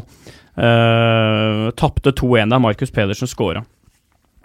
Og da eh, Da var vi på en eller annen merke, jeg husker ikke hvorfor, men vi var på Arlanda. Og så Alt mitt eh, rør er fra Arlanda. Men eh, det er ikke rart, da, ja. Men iallfall så eh, skulle vi da fly til Billund med et sånt lite fly. Og Står opp tidlig, bodde jo på flyplassen her, for fly gikk sånn 07.30 eller noe sånt. Og så øh, sier han fotografen som jeg jobber sammen, sammen med, at nei, jeg går til gaten, jeg. Ja, det er fint, det, sa jeg. Bare går og Jeg tror jeg skulle kjøpe meg skjorte eller et eller annet sånt, for jeg var litt manko på det. Kommer øh, fram til gaten. Det er helt mørkt i hele den der øh, Hele den terminalen, liksom. Helt stappa mørkt. Jeg tenker, det er da ikke mulig? Det er jo, det er jo, det er jo 25 minutter til flyet går. Så jeg begynner liksom å prøve å se på telefonen min, da. Så der ser jeg jo fire-fem SMS da fra han Jørn Tveter, som han fotografen het. da. Liksom sånn Ja, det, det, det var buss, det var buss, det var buss, det var buss. Hvor er du, hvor er du, hvor er du? Så skriver jeg Jeg står her nå. Så fikk jeg bare tilbake Rekker du denne, er du god. Tenkte jeg. God er jeg jo. Um, men gode råd er dyre, da. uh, når du skjønner at den bussen langt ut på rullebanen hadde gått, da. Uh, men gaten til Barcelona er åpen, da, så jeg går fram der da og spør uh, uh, liksom sånn Unnskyld, senior, senioritas. Uh, jeg har et, uh, har et fly som skal gå til Billund nå. Jeg må komme meg på det. Nei, nei, nei, her er det stengt. Det er ikke noe Det går ikke Det er ikke mulig å få til her og nå. Nei, nei, nei vel, sa jeg da. Da får jeg bare drite i det, da, og liksom Kunne jo ikke kjefte på de heller. Akkurat da går liksom døra bak gaten, der kommer det opp en sånn typisk svenske, ikke sant. Du ser for deg du ser for deg disse to gamle gutta i Englagård eller et eller annet sånt noe, som da jobba med å kjøre bagasje på Arlanda, da. Og det har han sikkert gjort siden omtrent før det gikk fly på Arlanda, da. Og han ser opp meg og Å, er det noe problem her, eller? Ja, sa jeg, det er et ganske stort et, da. Å, men du har tid til å ta deg en snus. Ja, sa jeg, jeg har jo det. Vart någonstans skal du? Nei, jeg skal på det flyet til Billund. Kom her, sa han. Da kjørte han meg på den bagasjebilen ut til flyet. Men visste han at du var journalist, eller? Nei, nei, nei, jeg hadde jo ikke peiling på det, men han skjønte jo at jeg var i ei knipe. Ja. Og han hadde helt, for det var ikke så mange fly som gikk akkurat på den timen, for den var jo helt mørk. Så da, da skjønte han vel hvilket fly, og så ordna han det. Så det jo gikk akkurat. Så det no, noen ganger har jeg vært litt heldig. Fantastisk. Men det er mye stress i det yrket her, da. Det er, det er mange ting du plutselig må rekke, og plutselig må kaste deg rundt på, så du eh, Det er en fordel å hente marginer der du kan, og da er det ikke spesielt lurt å forsove seg. Eller kjøpe ei skjorte hvis det er sånn akkurat på tida. Hvordan er det um, Når jeg fortalte noen i dag om at du kommer i studio, Ja. uh, så sier de uh, han, er, han er morsom. ja. Eh, For du har, du har på en måte gått fra å være, og det har sikkert B-laget hjulpet deg med, men også siste serien nå med, med Petter Northug, gått fra å være en sportsjournalist til å bli en, en showman. Ja. Ja, altså det Ja. Men merker du noe eh, Folk maser om parodier, Ja. og, og vi har fått litt henvendelser også. Ta, Ja. Spør om Høgmo, spør om Ja. Kalle, spør om ja. Eh, nei, men altså, det går helt fint. Jeg eh, Altså, vi, vi er jo Vi jobber jo Vi jobber jo på sett og vis med litt i underholdningsbransjen, vi òg, og det å ha litt glimt i øyet og by litt på andre ting jeg, jeg tror ikke at det går utover jobben på noen som helst måte, og, og jeg ser heller ingen grunn til at vi skal være så forbanna seriøse hele tida. Altså, vi er seriøse på alt vi gjør, med forberedelser, med holdt på å si kildesamtaler, alle sånne ting, så at vi kan liksom i et format som en podkast senke garden litt og, og gjøgle litt, eller når du skal være på TV i sju-åtte timer med med hele Norges abdiserte langrennsfar, så da er det jo Det kan jo ikke bli Dagsnytt 18, det heller, da. Eh, eh, så um, Nei, det, det gjør ikke noe. Det gjør ikke noe for meg, det. Nei, Det går helt fint. Alle rundt dette bordet er helt enig med deg. Ja. Ja, det er, kjør på. Det er stor underholdning å sitte og høre på eh, B-lagspodden og når eh, Marius drar i gang med Kalle Norén og de Fantastisk. store, store mm, Hva heter det? Imitasjonene sine, holdt jeg på å si. Ja. Vi har bedt deg om å sette opp din fire norske fotballstjerners middag. Ja. Kul spalte. Ja. Um, Hvem har du tenkt å invitere, og hva skal du lage? Ja ehm, jeg, hadde, jeg hadde invitert eh, Ståle Solbakken. Det hadde jeg. Eh, en fantastisk morsom mann. En, en gud, da, på mange måter. Eh, for oss som vokste opp da han ehm, Og var eh, i primetime fotballinteresse da han uh, løfta HamKam opp igjen til, eh, til der eh, HamKam bør være. Så Ståle må med. Altså, han er klink rundt bordet der. Um, Går det an å få en liten ja, respons? Ja, ja, ja, ja, ja, ja, da må jeg gjerne takke for invitasjonen. Jeg stiller. ja, ja. Sånn eh, eh, Nei, og så, eh, så tenker jeg jo at vi må, vi må ha litt spenn i alder der, så jeg ville nok ha hatt med Jeg ville nok ha jeg ville nok ha hatt med Nils Arne Eggen òg. Det tror jeg kunne vært Jeg tror jeg hadde passa perfekt eh, rundt det bordet der. Så kunne Eggen og Ståle, eh, litt etter liksom krangelen med de to FCK Rosenborg, da de eh, kniva om den Champions League-plassen der, kunne de liksom ha krangla litt grann om det og, og, og Trenger litt visninger gnisninger rundt et sånt bord. Ja, og det er jo et fryktelig A-lag òg, da, Ja, på, på andre sida der. Så de to må liksom sitte over på samme side, da. Ehm, og så tenker jeg jo at han, han er jo en av eh, mine beste venner også. Ehm, det er litt sånn Litt vrient med Jesper, for det, det blir jævla dyrt sånn i form av mat å ha med Jesper, som spiser så mye. Men han tar det jo inn på at han er avholdsmann, så han har veldig sånn komplementære firestjerners middagferdigheter der, da. Ehm, så jeg, jeg tror kanskje at jeg, jeg tror kanskje at jeg måtte hatt med Jesper òg, ja, da. Det er jo fryktelig mange jeg vraker her, men jeg, jeg tror at det kunne vært en sånn øh, Da får du tre generasjoner øh, sånn, og så er jo jeg og Nils Arne sånn cirka like gamle, så Så øh, jeg, jeg tror at det kunne vært en fin troika der. Um, hva skulle jeg servert? Ja, da, Ehm, vil du da tenke på at liksom, Jesper er en kravstor i, i matveien? Eller Kravstor, nei. Han spiser det. det er, altså, det er, jeg er imponert når det er i en bestikk, ja, altså, når, han, eh, når han setter i gang og, og voldtar matrettene sine. Um, nei, men altså, jeg, jeg, jeg hadde ikke giddet å liksom stått der, og jeg ville prioritert, så jeg hadde laget en hjemmelagd pizza. Kanskje hatt en litt artig, eh, enkel forrett, da. Uh, bor jo da like ved Strøm Larsen på Torshov, så jeg hadde kanskje kjøpt noe litt sånn deilig roastbiff og lagd en, lagd en litt sånn eh, eh, norsk carpaccio der, fått på ja, Kanskje til og med miksa opp litt, kanskje hatt litt parmesan, eh, parmesan litt eh, mozzarella, noe litt sånn kvass ruccola og noe skikkelig eh, havsaltflak til forrett. Og så hadde jeg lagd en pizza. Til dessert hadde det blitt vaniljeis, sånn fin sånn Madagaskar-is, med eh, Med noe god karamellsaus på en eller annen måte. Den må være Den må ikke være sånn eh, Den må ikke være sånn der veldig sånn tung karamellsaus. Den må være sånn tynn spicy som bare legger seg litt over isen, og så klaska på noen peanøtter. Det blir min. Det blir min. Nå kommer pulsen.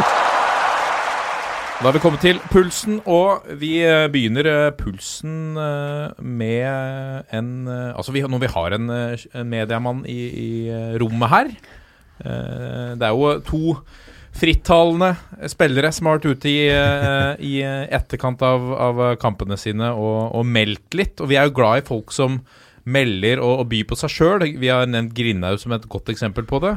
Uh, Pål André Helland og Christian Gauseth fikk jo litt kritikk i studio i etterkant av, eh, av eh, deres postmatch-intervju. Hva, hva tenkte du da du så de to gutta, Marius? Ja, jeg Eller hørte de? Ja, øhm, jeg tenkte jo i hvert fall at det var veldig klønete av Christian Gauseth, da. Uh, og øh, i kraft av hvem han er, og både øh, i hans holdt på å si sivile jobb, altså som da en fotballekspert i Eurosport og kaptein eh, for Mjøndalen, så syns jeg jo det der var eh, bortimot hårreisende. Eh, og, men det veit jo han sjøl, så det, det trenger liksom ikke å dvele noe mer om eh, noe mer eller ved det. Eh, det er ikke så lett, det der, det der vet du. Og, og, og liksom skulle ta noen eh, offentlig sånn. eh, og da blir kanskje timinga veldig gæren med tanke på at han Faye Lund omtrent eh, omtrent har eh, så vidt sovet ei natt eh, i Mjøndalen, og han er yngst på laget bortimot og, og sånne ting, så det, der, det var ikke helt bra. Men det var han jo fint ute og beklaga òg, da. Så da er det vel lett for alle å bare sette en strek ved det, tenker jeg da. For det handler jo det handler mye om ordvalg. Ikke sant? Altså Hvordan formulerer du det? Du kan godt si at det er en keepertabbe, eller at det er en personlig feil, men det er litt med måten han ordlegger seg på. Hvilke ord var han brukte igjen? Nei, jeg husker ikke øh, nøyaktig ordene, men det var liksom ikke noe tvil om hvor han la skylda. Ikke sant? Det var bare veldig sånn tydelig plassert. Men da kan du du, du bruke den uh, hva skal jeg si, de uttalelsene som dommere kan komme med. ikke sant, At ja, spisser bommer jo på åpent mål rett som det er de. ikke sant, og, Eller at altså den andre veien. Men, men det er noe med Du må skjønne rollen din som kaptein. Må, han må skjønne rollen sin, at han har den sivile jobben han har. Og han må skjønne hvem han snakker om. For ja, selvfølgelig skal du spille fotball på eliteserienivå, så skal du ha rygg nok til å tåle å bli kritisert for dårlige prestasjoner. Men det er som Marius sier, han er 19 år, har knapt vært i Mjøndalen. eh, Kommer egentlig inn på lån for å redde de i en prekær keepersituasjon. Det er, ikke, det er ikke sikkert at det er sånn veldig byggende for selvtilliten til unge Faye Lund, da. Nei, ordet her er jo umusikalsk. Ja. Det er jo det dette her er. Det er det. Men at uh, Pål André Helland, da. Ja, det, det syns jeg er litt annerledes. Er det lov å si? Men han har jo vært uh, levert i to etter to runder nå. Det er jo masse frustrasjon ja. og sp- i, i hele den garderoben der. Eh, og det får sitt utløp i Pål André Helland, føler jeg, på begge de to siste rundene. Ja, og det er fordi at han stiller opp. Ja. Uansett. Ikke sant? Ja. Du har andre spillere der som sannsynligvis enten gjemmer seg, eller nekter å gå til pressen. Eller så går Eurosport til Pål André Helland fordi de har en god tonemann og vet at han leverer. Men at eh, en spiller står og viser skuffelse, og, at, og viser at den er lei seg, og, og er tydelig på det Jeg vil heller ha det enn de der svada-svarene som er sånn der Ja, ja, nei, vi gjør så godt vi kan, men i dag lykkes vi ikke, vi prøver igjen, liksom. Jeg vil heller se at det gjør vondt for dem. For det, det, gjør, det gjør spillerne litt menneskelige. Og det gjør også at eh, jeg tror supporterne tenker at ok, det her faktisk betyr noe for de òg. Så ikke de sitter med følelsen at det, ja ja, eh, det var to poeng tapt i dag også. eh, Moving on, liksom. For det er litt ja. For, det, ja, for der Koteng eh, var litt eh, diffus rundt formasjoner og sånn, så er det ikke noe tvil om hva Helland mener her. Nei da, og, og Pål André Helland, dette er jo uh, et Vålerenga-uttrykk, men du spiller for flere enn bare deg sjæl, ikke sant. Eh, Pål André Helland er jo også den eneste lokale profilen Rosenborg har. Det er jo flere trøndere på landslaget enn det er i Rosenborg. Eh, nå henta de jo riktignok Gjermund Aasen, men eh, han er jo milevis, hvis ikke lysårvis å være en eh, Rosenborg-profil ennå. Uh, og det er, det er litt spesielt, altså. At, at Rosenborg er i den situasjonen med den historikken de har hatt, uh, og, og dill og dall, at Helland er den eneste som er igjen. Ha, han er den eneste i, i laget som, som eh, har den her klubbtilhørigheten og det her rosenborgske DNA-et, føler jeg. Og så er det jo selvfølgelig sånn at André Hansen er jo en profil, Tore Reginiussen er jo en profil, så de er jo eh, de er jo nærme da, å være ekte rosenborgere, det må jeg si, men, men Helland er noe spesielt, og, og da blir han egentlig en, eh, en ambassadør, litt mer enn bare å være en spiller, føler jeg, da. Ja, vi går videre til Åråsen. Eller vi kan jo ta med Nadderud i denne slengen, da. Fordi at eh, Åråsen eh, fikk også slakt etter, eh, etter siste serierunde. Og det er vel ingen overraskelse at den matta ser sånn ut på denne tiden av regjeringen? Nei, jeg, noe, jeg har ikke noen grønne fingre sjøl, men det, det ser jo helt forferdelig ut. Altså eh, Det kan umulig være lett å spille fotball på det heller, tenker jeg da. Og da ble det vel sagt noe sånn som at det ser verre ut enn det er. Og det, det tenker jeg det får man å håpe. Hvis det, hvis det er like vanskelig å spille på som det det ser ut på TV-skjermen, så er det uh, et sted hvor kuer burde beita istedenfor fotballspillere sparke ball. Så Morten Langli sa på Twitter at private gress, gressplener holder høyere kvalitet. ja, jeg bor jo en langpasning unna, jeg, og det, noen av hagene til naboene er anstendige allerede, de. Så Nei, jeg veit ikke hva det er, men det, de av som ser litt lenger ned i divisjonen, ser jo eh, både Kvikk Halden og Vestfossene, og de har jo sånne berykta baner begge to. Sånn som man veit at det er et helvete å få møte dem borte tidlig på sesongen, fordi Altså, det er rein åker, da. Eh, men det er nå én ting, det er et annen- og tredjedivisjon. Eh, at Eliteserien ser sånn ut eh, Uten å ta hele den der kunstgress mot vanlig gress-diskusjonen, så er det i hvert fall ikke et S for de som brenner for gressmatter uh, i Eliteserien. Det er det ikke noe, med sånne baner. Men bør vi ikke forvente mer? Uh, altså, eh, Vi har jo sett Ullevål også, i, i tilsvarende standard. Så er det, er, det, er det bare det vi kan forvente på Østlandet? Altså, det er jo, vi bor jo i et land hvor det kan komme veldig mye snø og være veldig kaldt veldig lenge. Uh, altså, og lenge etter seriestarten er i gang. Og da må du ha et visst nivå på undervarme, på hvordan du dekker til matta før sesong, hvordan du behandler den når du får bort snøen og, og begynner å preppe den og sånne ting. Og så er det klart at det, det skader en gressmatte ganske mye å spille to ganger 45. Enten, og eh, nå var det LSK damer spilte vel der også en Champions League-kamp uh, ganske tidlig i, i mars, som sikkert ikke hjalp på beskaffenheten til den banen. Så, men det er jo sånn det har vært i Norge før kunstgressets tid også. Altså det Alfheim var jo ikke nødvendigvis en golf golfgreen i eh, mai, den heller, eh, i 1999, for å si det på den måten. Så det, tror jeg vi må forvente til en viss grad. Men så kan man jo også si at eh, hvor mye legger klubba i eh, mattene sine. Og så er det noen eh, klubber som leier en stadion av kommunen, og det er kommunen som har ansvaret for vedlikeholdet. ikke sant? Så er det andre som eier stadion sjøl og ansvaret sjøl. Skal de legge mye penger i det? Hvor mye penger har de mulighet til å legge i det? Osv. osv. Altså, du har jo eksempler fra Brann i fjor òg, hvor eh, matta var frossen mellom Brann og Rosenborg fordi at de ikke satt på varmen tidsnok. ikke sant? Så det er, det er det er vanskelig, altså, men eh, ja. Det kunne, nok, kunne og burde nok vært bedre både på Åråsen og på Nadderud. Det er ikke noe tvil om. Nei. Vi går eh, videre til eh, en, eh, en eh, for øvrig en sak i Aftenposten hvor vi, vi har jo hatt noen eksporter til, eh, til eh, Sverige, til Allsvenskan, Mm. i, eh, i vintervindu. Bråtveit, uh, von Witteri, eh, som nå har blitt intervjua og spurt om forskjellen her, eh, og de sier Peker på begge to at eh, det er mer ball possession i Sverige. Eh, det er mindre Hawaii, det er mindre lange baller. Uh, er, er allsvenskan noe vi skal strekke oss etter, uh, Marius? Nei, det tror jeg er ganske likt, for å være helt ærlig. Uh, og sånne ting vokter jeg meg litt for å gå inn på, for da, da må jeg se mer, altså, for å kunne peke på sånne tendenser. Men føler jo at at Allsvenskan og Eliteserien ligner på hverandre. Eh, AIK hadde i alle fall eh, høsten i fjor et kjempelag. Altså Uh, Allsvenskan hadde da et lag som på midtbane hadde to av fire midtbanespillere som, som spilte for landslaget til Sverige. Det er jo ikke vi i nærheten av. Eh, men det tror jeg er litt tilfeldig. Eh, Malmö var jo ikke like bra, men var jo også da i Europa. Det var Sarpsborg òg. Så jeg, jeg, tror ikke at den forskjellen der er så stor rent sportslig og rent nivåmessig. Jeg har til og med tidligere hevda at det kanskje har vært litt tvert imot.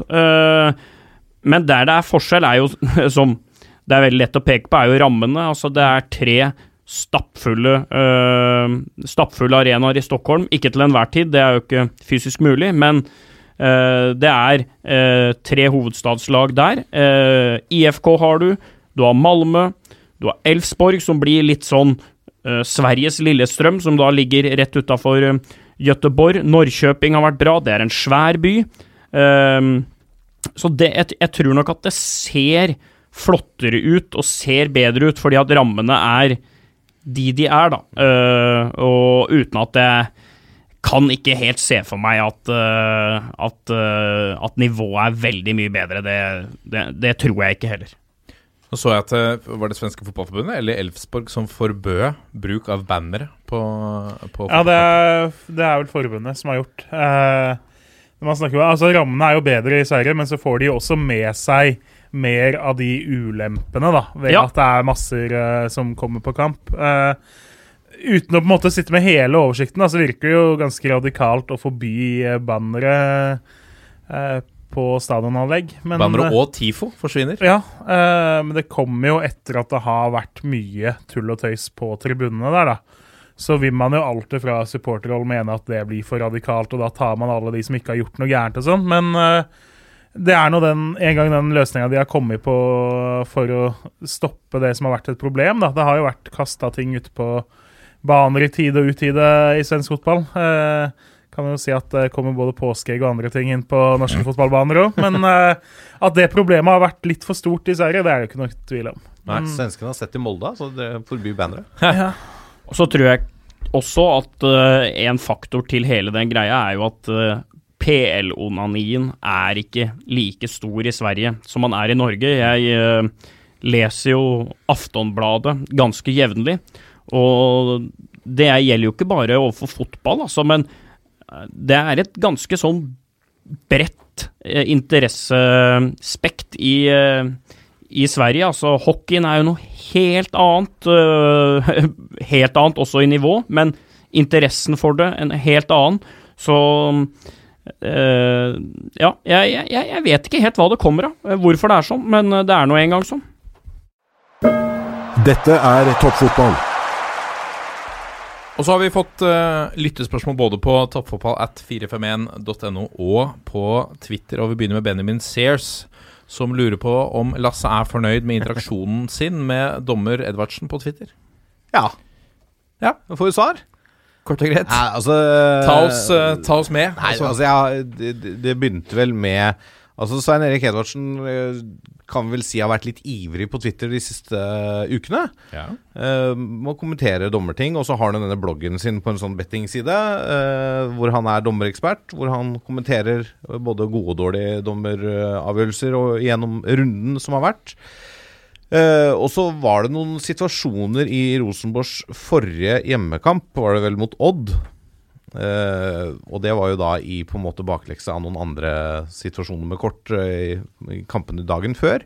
Som jeg tok noen bilder eller videoer av og la ut da og spurte han hva han mente om disse. For når folk spør, han, folk spør han jo ofte på Twitter hva er dette rødt kort, er dette straffe? Og så kommer det alltid har du video, har du klipp? så jeg var litt i forkant da og la ut klipp og video. Uh, og fikk jo svar på det jeg lurte på, og hans, hans vurdering av situasjonene. Uh, så jeg er fornøyd med at folk svarer når jeg spør. Det er jo ikke alle ja, Var det ikke noe mer enn det? Nei, altså er det jo litt sånn Har det ikke vært noe beef, eller? Jo, han var vel litt sånn Jeg var vel litt sånn halvironisk med glimt i øyet til han i en situasjon, for det var Jeg tror jeg tok opp noen gamle situasjoner hvor han dømte Vålerenga, annet hvor Bojan Sajic fikk Der har vi eh, X-faktoren i diskusjonen. Hvor Bojan Sajic fikk rødt kort for å skalle til en fyr, mente, altså, og han blødde fra hodet sjøl, Bojan, da, som ja. mente Edvardsen at det var en albuebilde. Harmet Singh ble utvist eh, på Aspmyra. Um, og så Og dette har ikke du glemt, Lasse. Nei, nei, selvfølgelig ikke. Og det hadde ikke han heller. Men så mente han at eh, det var vel ikke noe annet å forvente fra den kanten. Og liksom, han tok det litt snurt, da. Ja, ja. Selv om jeg prøvde å ta det litt glimt i øyet. Eh, men vi er vel forlikte. Gode busser. Gode busser, vet du. Det er så bra. Men jeg, jeg setter pris på at vi har uh, Altså, uh, Per Ivar Staberg var jo litt aktiv på Twitter en periode. Har falt litt ut, føler jeg. Men jeg setter pris på at det er folk som har vært dommere, eller er i dommervirket, er er der og kan fortelle oss, mener man, hva regelverket sier, da. Ja. Jeg må jo skyte inn, apropos dommere, så har det vært snakk mye om Ola Hobber Nilsen eh, de siste dagene også. Eh, det endte jo, han dømte jo denne matchen nede i Egypt I går. i går, når vi Tirsdag, spiller inn. ja. Ja. Og da var det jo det evige topplaget Samalek som møtte da det litt overraskende topplaget Pyramids. Er dette Pyro Pivo, eller er Nei, men, er altså, men jeg tenker da Det er jo altså et egyptisk fotballag som heter Pyramids. Nei, det er jo ja, det, Det er som at, det er som det at er som at et norsk lag skulle hete Viking, Ja, ikke sier, ikke sant? sant? Hvor uh, stereotypt er det ikke. Så ja, nei, aldri hørt om laget før, men det kokte jo tydeligvis eh, litt nedi der. Det var bra trykk der. Ja, det var på tomme tribuner, da. Ja, ja, ja men banen. spillerne sørga for Jeg så litt klipp. Ja, det så det. Ja, bra. Var det tomme tribuner? Ja, ja. Ja, for da jeg så bare noen bilder av at det liksom var meget mannsterkt uh, Ja, det var vaktselskap for, det, det var for å beskytta ham. beskytte dommerteamet mot spillerne som var forbanna. Ja, men da Så De det hadde- sier, vel alt. de Neste er tom sett- bane nå, bare Ja. Håber Nilsen og linjelenar på det. Det er neste grep i egyptisk fotball. altså det, det apropos altså, Og der må jeg nesten få det støte Edvardsen litt. Den saken der syns jeg er klønete håndtert av NFF. ja, I hvert fall litt merkelig. Ja, merkelig og klønete. Ja, ja. Kommunisert og Ja. håndtert. Ja, for Han ble kalt opp, og det, det var, har vel vært sådd litt tvil fra Edvardsen også, at han har blitt kalt opp til en sånn kamp. Eh, han peker Ja, på at de altså- får noen invitasjoner til sånne type matcher. Ja, altså Det er jo ikke et internasjonalt dommeroppgjør. Det er ikke en Fifa-oppsatt dommer, som Nei. eh, NFF og Hobber Nilsen prøver å si hvorfor han ikke kan uttale seg etterkant. Det ble sagt sagt han skulle dømme andre påskedag, og det var derfor han ikke kunne dømme Trondheim. Jeg skjønner at han ikke kan dømme Trondheim andre påskedag og Egypt dagen etter, men det er bare Spill med åpne kort, da. Det gjør det så mye enklere for alle. Bare vær ærlig, liksom. Ja. Vi tar et spørsmål fra Ruben Wold til deg, Marius. Ja. Har HamKam noen signalspillere? Og det er jo et kjent uttrykk i denne podkasten, selvfølgelig. Signalspiller, hva er det, Lasse? Nei, Det er en spiller som går foran eh, for laget sitt og trøkker til og viser med hele seg på banen at uh, vi skal vinne denne kampen, og vi må, vi må kjempe på. Ja, Uh, HamKam har jo historisk sett hatt uh, Vegard Bjerke, som eh, var en eh, typisk eh, signalspiller, eh, vil jeg si. Pitbull, som han bare blei kalt. Jeg savner vel kanskje det litt i, i dagens HamKam. Uh, om det er et sånt uh, fenomen som kanskje ikke er like vanlig nå lenger, det, det kan kanskje ha noe å, å gjøre med det, men uh, jeg var vel innom den i stad. Simen Nordli har jo litt den derre gutsen, da, som jeg, som jeg liker. Men ja, det er, det er kanskje litt manko på det. Det, det Så svaret er da Hva skal jeg si 0,5 ja, da. Vi går eh, rett til Nordlink, som lurer på hvis du må velge fotball eller hockey. Eh, der er valget fotball. Ja. Det er det. Og hvilket lag heier Kalle Norén på? Kalle er nok eh, Kalle kommer nok ute fra skjærgården, Grøna Lund. eh, eh, så att jag har en liten känsla för uh, Djurgården. Va? Det är rätt mycket bra på stadion, atmosfär, självförtroende, så här saker. Så att Kalle er nok en, Kalle er nok en uh, Djurgården-mann. Jeg personlig Uh, er en Hamarby-mann. Hamarby, grønne og hvite drakter, Bayern, Stig Helmer Olsson. Uh, I dag er jeg sterk. Just i dag er jeg sterk. Eh, så Hammarby har alltid vært laget midt i, i Sverige. Eh, Kalle kjører nok på Djurgården. Ja. Men ikke i hockey. I hockey er jeg ikke i Djurgården. Eh, der har jeg nok alltid Der har jeg nok alltid sogna mer til Ferjestad. Så det var jo litt tungt, da, at, at Djurgården slo ut Ferjestad nå. Men et spennende sluttspill i Sverige også, mellom da Frølunda, som er Göteborg, og, og Djurgården, som er eh, Stockholm. Nå fyller de altså Globen, altså. Og Skandinavium eh, i et, i et hockeysluttspill i Sverige. Det er ganske Det er ganske fett. ja. Det er solid kapasitet der. Ja, Så da fikk jeg litt hockey inn der òg. ja, ja, ja. Det er bra, det. Da har, da har Norlink fått det han vil ha. Kenneth André Sørensen går eh, potensielt rett i strupen her. Har Marius anlagt skjegg for å skjule noe? Nei, det, har jeg ikke. Eh, føler at det spørsmålet i dette studioet her kunne like så godt gått til eh, Kjernås, men eh, men, eh, men siden vi er litt sånn i Game of Thrones-tider her nå, så har du har jo kjørt lenge på det. Eh, er ikke det, altså. Jeg bare føler at jeg ser litt tynnere ut i trynet med skjegg. Eh, om det er en liten sånn dobbelthakekamuflasje der?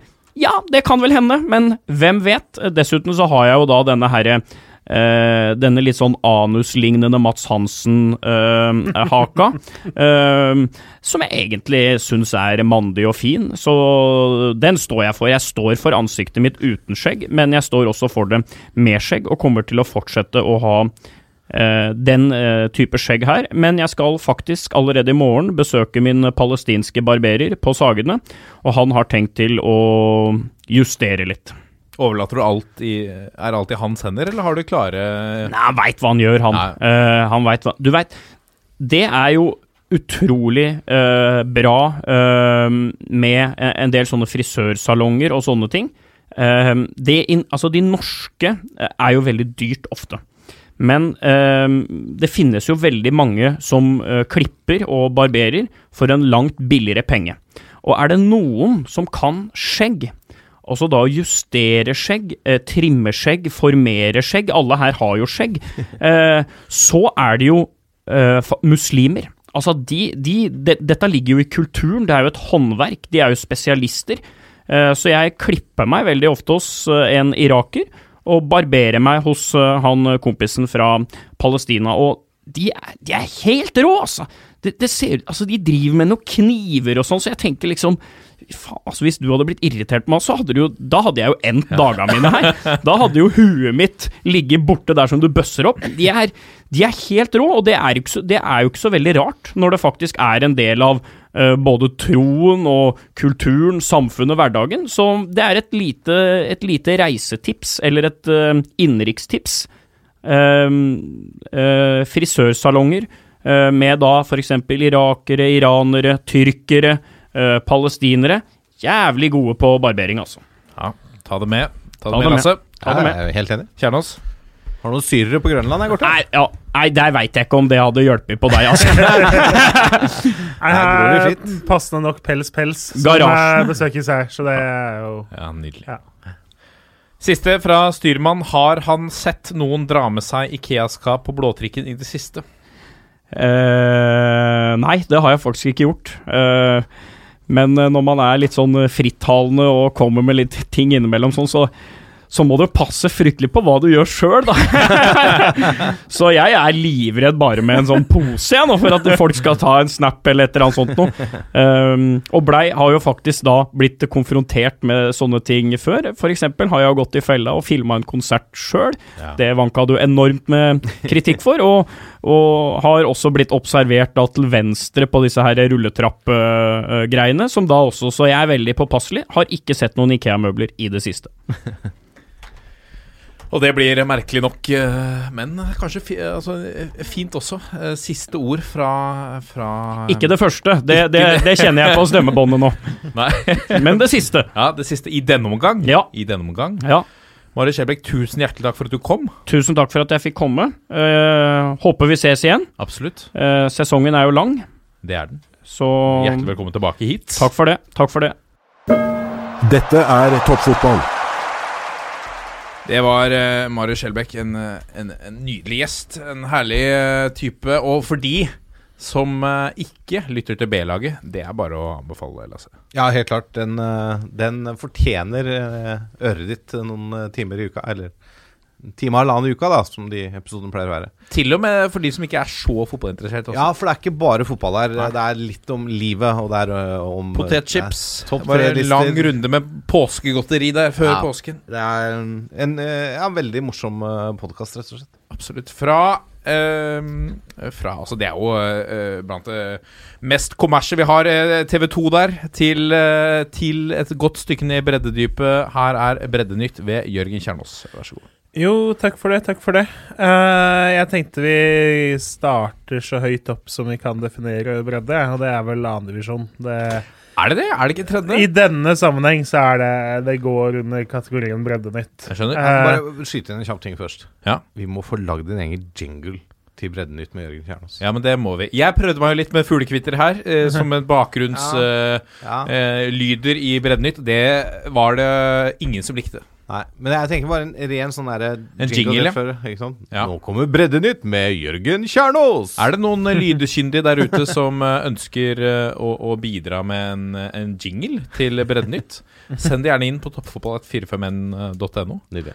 Eh, hvis vi får noe, og det er bra, så får du et cruise i retur. Ja, sorry. Ja. Altså en Eh, kopp, da, ikke en sånn Ikke en båtcruise. Ikke toppfotballcruise til Karibia. Det hadde vært fett, da. Det hadde vært fett. Toppfotballcruise til Kunne vi ikke tatt sånn alle eh, lytterne. Og så skal vi sitte live på det et par timer hver dag. Ja, nydelig. Åh. Ja, men det Jeg er med. Det, Jeg er med. Men nå, ja, vi starter da i andredivisjon. Uh, enkelte av oss var jo blant annet frampå på Twitter og ymta frampå om at uh, den her cup-episoden i heimebane ble kanskje litt vel fjåsete med her skulle vi henge folk, eller henge dukker med motstanderlagets drakt på. Og ja, det var hooligans eh, som var tøyt ut av skauen, og det, gud veit hvor mange gærninger det bodde der. Men så kom man jo da til flyplassbyen Stjørdal. Uh, Stjørdalsblink berga jo plassen i fjor, starta med 4-0 over Arendal. Skal da møte Levanger, som jo da har vært og flotta seg litt oppe i førstedivisjon i noen år nå. Og så liksom endelig skal få møte dem igjen, de er på vei ned.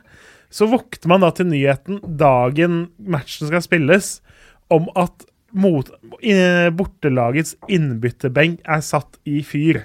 Ja. Altså, den står i full brann bare noen timer før eh, Blink skal møte da en form for rival i Levanger. Så tenker man liksom jøss.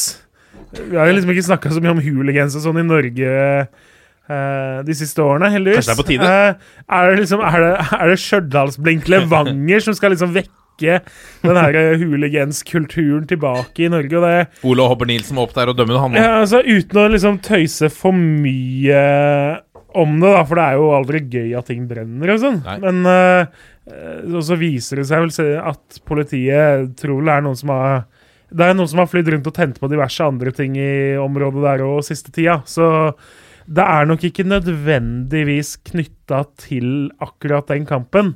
Men idet man våkna og så nyheten, så tenkte man jo her at Eh, det er noen som har tatt det her med å tagge på banen eller stjele huet til Tom Lund, eller liksom sånne ting som har skjedd da Vålerenga, Lillestrøm og de oppgjørene. Bare tatt det liksom et steg videre og gjort det i annendivisjon. Så ja, nei. Det, den var kuriøs og snål, men Skjære huet av Tom Lund-statusen syns jeg er hakket verre, jeg må si det. Ja, den er ganske brutal, det er den. Men det, det er et ganske sterkt statement eh, hvis du setter bortelagets innbytterbenk i fyr òg, sånn eh, dagen før kamp. Absolutt. Men, eller, Eller en natta som er misfornøyd med å sitte der, da. Ønsker ikke å sitte på benken. Tenk om det som i tilfellet Tom Lund-statuen eh, er da hjemmelagets egne folk som har gjort dette, bare for å fyre opp stemningen. Det er også veldig fint. For det også er jo et rykte som går, at Ja. det er, den faktisk ble kappa av noen egne. Ja. Og eh, uten, eh, uten at dette er noen politisk podkast, men med referanse til en, en viss forhenværende justisminister, hans nærmeste familie. Ja. Videre. Ja, nei. eh, jeg tenkte vi skulle bevege oss videre til eh, en øy hvor jeg tilbringer noen uker av året. Som, Bømlo? da, som heter Bømlo, det er korrekt. Bremnes, ledet av uh, Geirmund Bremnesæter, er jo eh, nok en gang i uh, fjerdedivisjon. Innleda sesongen med å møte Lyngbø hjemme. Eh, men der viste det seg jo at hjemmelaget hadde en kort periode tolv spillere på banen. Fordi på banen vi har sett eh, Altså Fugler på banen er jo relativt vanlig. Vi har jo sett noen kattepuser uh, tusle rundt både i Bergen og uten, i England og sånn. Uh, Bremnes høyna det her rett og slett med en hare som sprang over banen. Og det lokalavisa Bømlonytt har da uh, Journalisten har stått perfekt til. Så han har liksom stått ved ene målet ganske langt ned mot cornerflagget. Og den haren kom liksom nesten rett mot han, da, så han har fått knipsa Uh, en del ville vært ordentlig på jobb. Han har ikke stått og småprata og liksom fulgt med kampen etter igjen. Han har faktisk hatt kamera oppe og eh, vært våken da på match. Eh, fått da rett og slett fanga denne haren på eh, foto. 4-4-3 der altså for hjemmelaget. ja, noe sånt noe. Eh, og det er litt sånn, ja Mye snåle dyr som beveger seg inn på bane fra tid til annen. Vi, eh, jeg husker, altså, verste er jo dette insektet som var innpå Var det i 2014 i VM i Brasil? Ja. Det var jo Var det en alien eller var det en gresshoppe som hoppa på han James Rodriguez der? Ja. Eh, men jeg kjenner hare, ja, hare er litt koselig. Og det eh, Avisa hadde til og med sikra seg og snakka med en uh, dyreekspert for å være sikker på at dette var en hare. Godt håndverk der Det var ikke en kanin som hadde stukket av fra nærmeste hage. Selvfølgelig har lokalavisa snakka med en dyreekspert. Ja da, de hadde gode kilder der på, at, uh, på det. Eh, en annen ting vi Nå så hopper vi nedover, si. Ta et harehopp ned til, ned til sjette divisjon. Der uh, innleda Rakkestad 2 og Fredrikshall innleda sesongen uh, tirsdag. Matchen endte 2-10. Eh, ikke så oppsiktsvekkende i seg selv. Det er jo mye tosifra i løpet av en sesong nede i sjette, sjuende, åttende divisjon.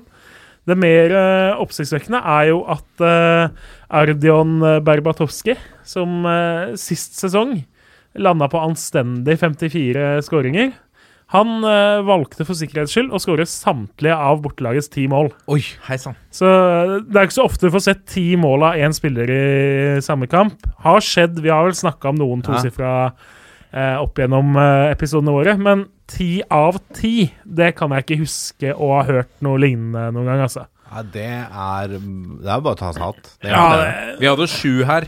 Flint 2, var det ikke det? Sju mål. ja vi har hatt spiller. tosifra. Det var, det var eh, den her kampen som Fram Larvik 2 tapte 36-0 eller noe mot Eik. Da Ja. skårte Anders Gustavsen skårte 10-12, han da òg, men den Ja. ble jo strøket. Og det var jo da en tredjedel av lagets mål. Ja. Her så snakker vi ti 100%. av ti.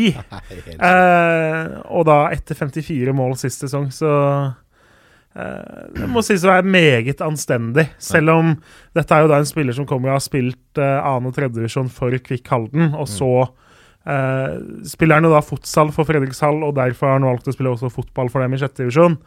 Eh, at han er god på det nivået, er jo ikke noe overraskende sånn sett, men likevel ti av ti mål for eh, laget ditt i en kamp. Det, det, det skal vi slite med å høre noe lignende fra i år, tror jeg. Sterkt levert. Gøy med folk som scorer mål. Ja, Vi trenger, vi trenger det. Vi skal jo score Ja, Det er kjedelig hvis Kåre. alle fotballkamper ender 0-0. Ja. Det er det. Så eh, vi liker folk som skårer mål. Det gjør vi. Absolutt. det slumper jo at det er morsomme 0-0-kamper, men det er vel unntak som bekrefter regelen, kanskje? Ja. Helst eh, skåringer. Helst helst. skåringer. Skal vi lukke spalten? Har du mer eh, å by på? Nei, det, vi har vel egentlig eh, fått Vært gjennom det viktigste. Ja, vært gjennom det viktigste. Vi, eh, det har jo vært så mye kamper siden vi satt her sist at uh, man veit jo ikke hvor man skal gjøre av seg. For det er jo Men uh, vi har vel plukka det mest kuriøse da, tror jeg nå. Altså, ja, Vi hadde en timålscore der, Berbatowski. Har du foreløpig merka deg noen som Jeg så Lyn vant 7-1 nå mot uh, Drøbak Frogn. Ja, der skårte Jonas Bakken skårte vel skårte fire av måla. Tre eller fire av måla. Men det Hvor gammel er han, da? Uh, oppe i 20-åra et sted. Han okay. uh, Potensial Ja. for å De møtte jo et Drøbak-Frogn som jo har vært eh, meget kaotisk. De spar sparka jo godeste Teitur eh, Tordarsson, blant annet. Han har fått sparken. Eh, ja, Tidligere og, og daglig leder har sparka. Altså, de har slitt fryktelig med økonomien. De har, har vel valgt den gode gamle bruke mer penger enn det det kommer penger inn. Og det skal man ikke ha vært veldig mange bedriftsøk-timer eh, på videregående for å skjønne at det går liksom ikke helt til lengden, da. Holder ikke lengden, nei. Nei. Det er ikke det. Neida. Men det så, men han, er, han er fin. Og så hadde Jeg satt jo så Sånn som alle jo gjorde lørdag kveld eh, i starten av påskeferien, så satt man jo og så LSK2 spille hjemme mot nyopprykka Leknes. Ja, klart. Eh, hvor da 17-årige Alexander Sandnes debuterte da ved å skåre kontrollerte fem mål på litt over 40 minutter for eh, LSK2. Nei, er imponerende.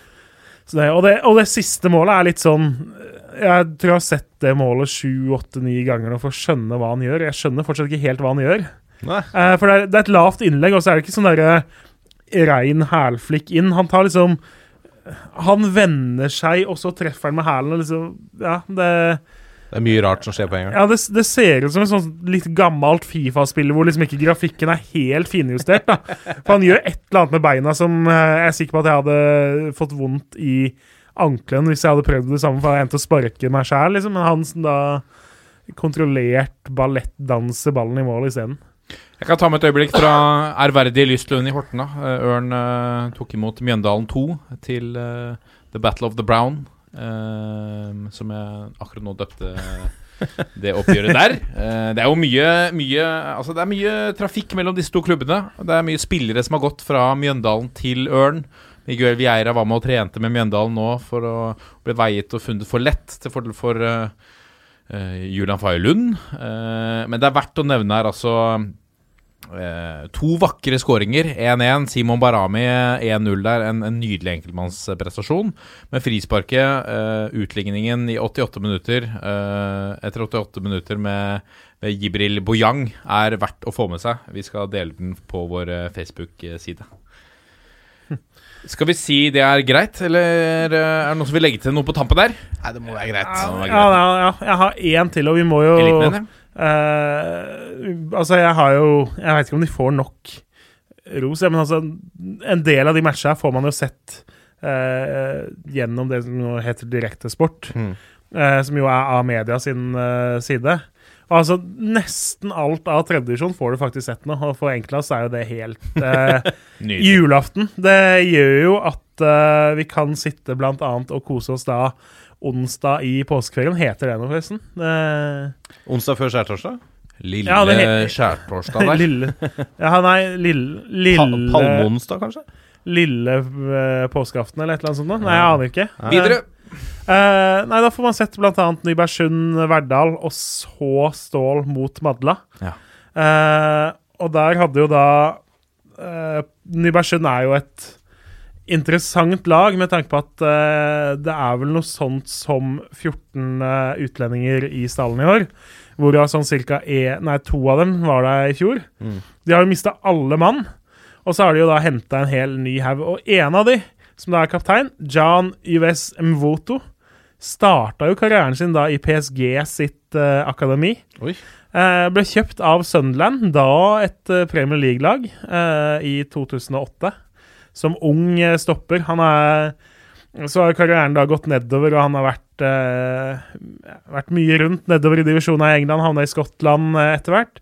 Og så havna da inn i Bersund nå. Og det er litt sånn Det er et eller annet poetisk gøy med en karriere som starter i PSG og foreløpig har siste kapittel i eh, Nybergsund. Fantastisk. Eh, og han kom jo da De gikk fra 1-0 til 1-2 helt på slutten.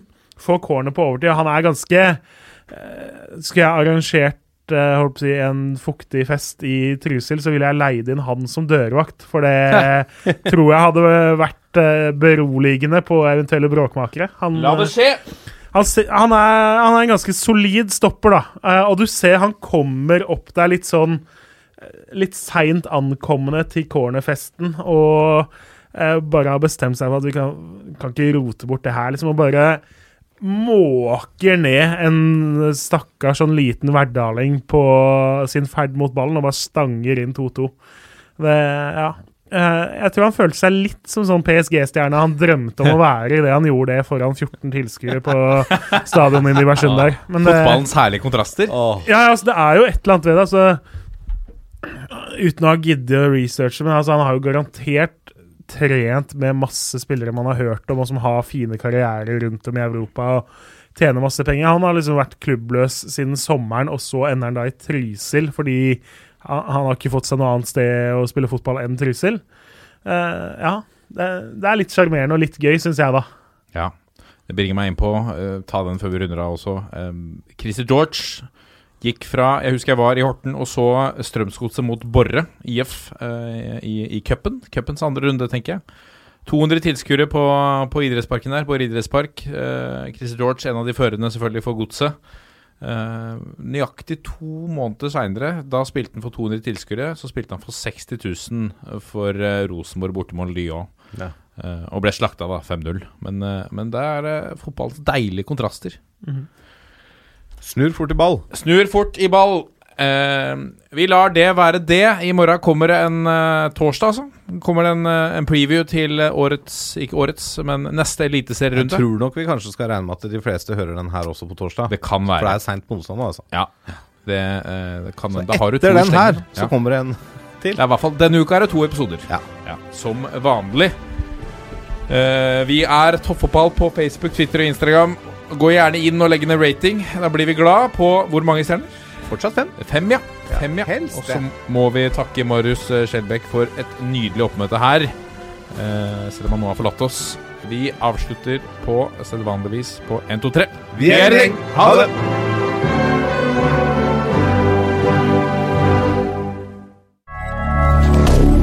Moderne media.